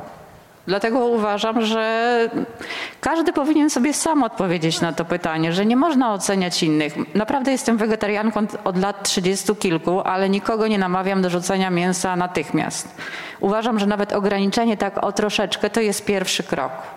Pierwszy bardzo dobry krok. Znaczy ja bardzo, znaczy po prostu rozumiem tą pani wypowiedź w ten sposób, że teraz powiem wszystkim, żeby przestali latać, przestali jeść mięso, przestali się rozmnażać i będzie koniec przestali świata. jeździć samochodem. Możemy tak powiedzieć oczywiście, ale ja osobi no, osobiście siedząc tutaj nawet po prostu nie czuję się jakby w pozycji, żeby tak to postawić.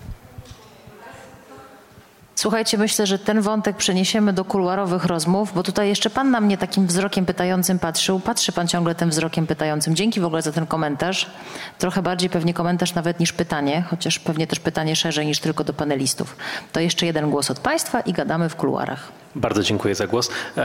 Chciałem się odnieść do tej rozmowy, czy też jedynej niezgody, którą dzisiaj usłyszałem między dużymi hotelami, a nie, a nie dużymi hotelami, bo ja próbowałem sobie odpowiedzieć na pytanie, jak podróżować odpowiedzialnie. Moją odpowiedzią na to było przyznaję wybieranie dużych hoteli właśnie, ale to ze względów na wspomniane też podatki, bo porównując na przykład możliwość wynajmowania apartamentów Airbnb czy jakiegoś innego powiedzmy lokalnego e, posiadacza po prostu mieszkania, a hotelu, który zakłada mimo wszystko, że zatrudnia ludzi, e, pewnie stamtąd, płaci podatki, bo musi, e, ja wybieram hotele. I chciałem zapytać w sumie Państwa, tak, czy Dlaczego, albo Pani, Panie Murszule może, dlaczego duży hotel równa się zło, bo Pani tak powiedziała, że to absolutnie nie, bo jestem autentycznie ciekawy. A druga rzecz, na którą chciałem zwrócić uwagę, to to, że nawet e, Pan Jakub powiedział, automatycznie pomyślał o bookingu, e, gdzie ja osobiście absolutnie unikam bookingu i wszelkiego rodzaju tego rodzaju pośredników, e, wiedząc też, jaką oni prowizję pobierają i o ile obcinają, obcinają zarobek faktycznie hotelu czy miejsca, do którego, do którego jedziemy. I i dla mnie to jest odpowiedź na to, jak podróżować odpowiedzialnie, ale zgadzam się, że każdy pewnie znajdzie swoją. Dzięki. E, no ja e, tak powiedziałam, że duże hotele to zło troszkę żartem, bo bez przesady. E, natomiast to w moim eseju też się znajdzie. Jest taka, taki naukowiec, którego nazwiska nie pomnę, który już w latach 80. opracował coś takiego jak cykl rozwoju miejscowości turystycznych. Czyli po kolei wszystkie fazy, które przechodzi miejsce, które zaczyna zajmować się turystyką. Pierwsza faza, nie wiem, nie, nie pamiętam jak one miały do, dokładnie nazwy, ale pierwsza faza no to jest wtedy, kiedy kiedy przyjeżdżają pierwsi turyści i tam zupełnie na dziko gdzieś śpią u ludzi, u ludzi po domach. Potem y, mówią znajomym, że jest fajnie, więc przyjeżdża ich coraz więcej i wtedy mm, ci lokalni zaczynają się zajmować turystyką. I y, potem rzucają tam swoje inne prace i zaczynają żyć z tej turystyki, ale ona ciągle jest super lokalna, to znaczy oni na tym zarabiają i tak dalej. A potem do gry wkraczają e, międzynarodowi gracze. I to jest e, Sarah Sodoła, jedna z takich autorek książki właśnie o resortach plażowych. Ona pięknie opisuje, e, kto jest właścicielem tych hoteli i po prostu część kapitału z Arabii Saudyjskiej, część skąd po prostu nie wiemy w ogóle, kto zarabia te pieniądze. I wkraczają te duże hotele do gry i mieszkańcy przestają pełnić rolę jakby takich aktywnych czynników, znaczy aktywnych jednostek, które zarabiają, tworzą, coś planują, a zaczynają pełnić role usługowe, zaczynają tylko być wyłącznie tą obsługą, którą spotykamy i, e, i potem no, naj, nie wiem czy zawsze, no, ale najczęściej jest tak, że następuje już taka faza upadku. To znaczy, że te miejsca, tych hoteli jest coraz więcej, więcej ludzi przyjeżdża, już zaczynają się głosy, że tu kiedyś było fajnie, a już nie jest fajnie. A więc ja patrzę na to jednak zawsze od takiej właśnie strony e, no, gdzie masz większą szansę naprawdę wziąć udział w, w, lokalnym życiu i poznać to miejsce. No i mam jednak e, jakieś takie przekonanie, że, że lepiej to wypada w momencie, kiedy zatrzymam się w lokalnym w, lokalnym pensjonacie czy u kogoś w domu i dlatego ja e, nie, nie, korzystam z tych usług, bo wiem, że tam na samym szczycie te moje pieniądze dostanie po prostu jakiś pan na nowy jacht, ale Kuba się ze mną nie zgadza. Nie, ja właśnie teraz poczułem się postawiony jako adwokat sieci hotelowych, broń Boże. Adwokat bookingu. E, ja tylko jestem adwokatem tego, żeby patrzeć e, z wielu stron jako ludzie inteligentni, wiedzący, że świat nie jest czarno-biały i wielowymiarowy że są e, lokalne hoteliki, które są niefajne i są e, wielkie międzynarodowe sieci hotelowe, które mają jednak w swoich sieciach hotele, które są dobrze zarządzane przez lokalną kadrę i odpowiedzialne e, społecznie. No ale mówię, oczywiście to trzeba do każdego mm, przypadku podchodzić indywidualnie. Ja może podam taki przykład z Kuby na koniec, no bo y, możemy sobie pojechać y, z biurem tutaj, o, żeby nie było, że jestem za, za przemysłem turystycznym, to y, możemy sobie zrobić ten śmiertelny grzech i polecić na Kubę, za, pamiętając o tym, że turystyka jest dla Kuby oprócz produkcji cukru największym źródłem dochodów i dla ludzi na Kubie, więc możemy tam pojechać sobie z biurem podróży, który jest zobligowany, to nie musi być wina biura podróży, że ono jest złe, ale ono jest zobligowane, żeby spać w określonych określonych miejscach, e, albo e, czyli na, na, w kurortach na przykład, gdzie są te wszystkie wielkie hotele nie wiem, do, do, kogo należą hotele na Kubie, znaczy należą do partii komunistycznej, właściwie wiem, do kogo należą.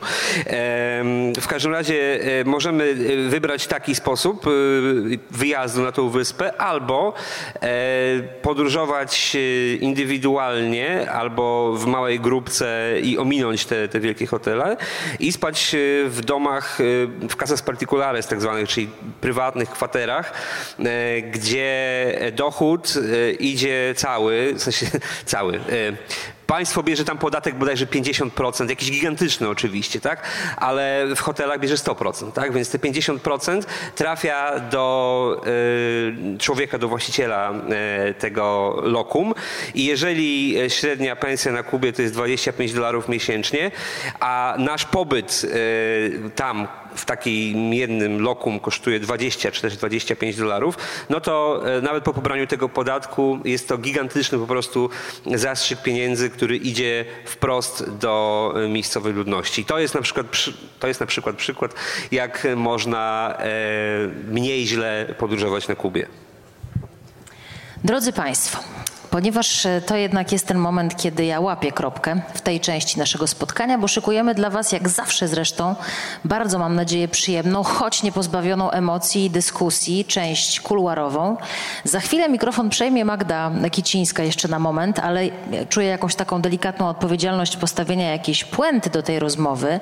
Bardzo dziękując wszystkim Państwu i za aktywny, i za bierny udział, po prostu bycie z nami, również tych, którzy nas oglądają. Ula Jabłońska, Marzena Filip, Filipczak, Jakub Rybicki. Brawa dla naszych gości. Bardzo pięknie Wam dziękuję.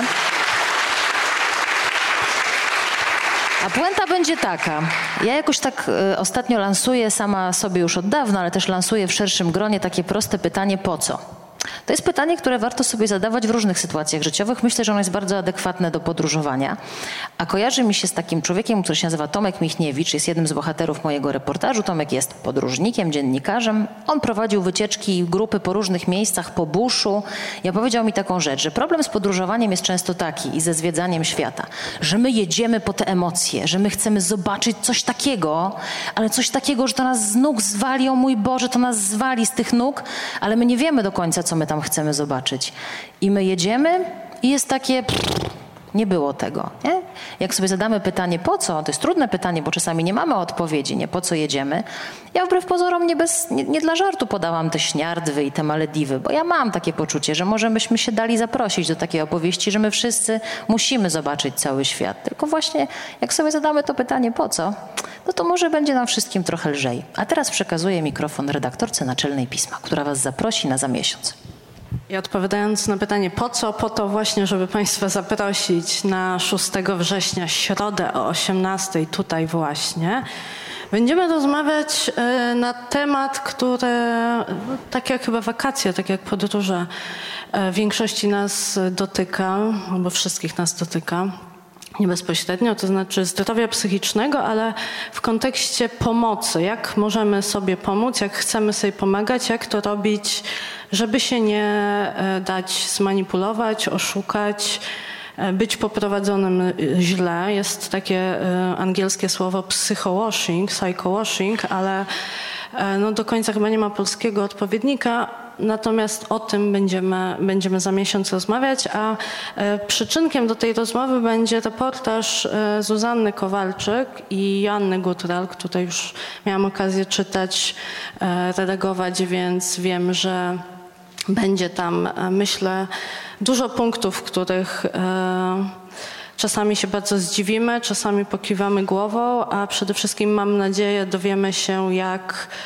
trochę mądrzej, tak jak tutaj mówiliśmy o wiedzy, szukać tej pomocy w morzu propozycji, które się do nas gdzieś tam e, zgłaszają i próbują naszą uwagę, pieniądze, czas, e, emocje zagospodarować. Ja Państwu jeszcze bardzo raz dziękuję za wzięcie udziału w tej dyskusji. U nas nawet na tej okładce może trochę mniej widać, że pismo ma w tytule też dwa słowa dodatkowe, magazyn opinii i tymi opiniami się nie, e, tego nie ma, tylko literki są e, te same. Lubimy po to to robimy właśnie. Jeśli Justyna pyta po co, e, po to właśnie, żeby się opiniami wymieniać, żeby słuchać argumentów, nie radzić i nie narzucać. E, aczkolwiek całą naszą postawą trochę narzucamy takie podejście do świata, że coś się da zrobić. Myśmy założyli pismo i organizujemy te debaty właśnie dlatego, że wierzymy, że coś się da zrobić. E, mimo że wszyscy umrzemy wkrótce, albo mam nadzieję, że jak najpóźniej. Natomiast zanim to się stanie, mamy bardzo dużo możliwości. 15 października też mamy taką możliwość i mam nadzieję, że z niej również skorzystamy. A zanim umrzemy, napijemy się wina. Wielkie brawa, bardzo dziękujemy. Dobrego wieczoru.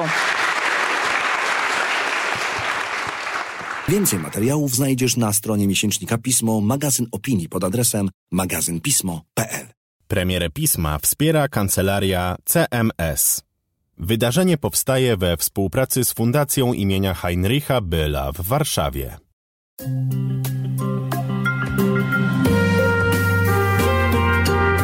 Pismo. Magazyn opinii.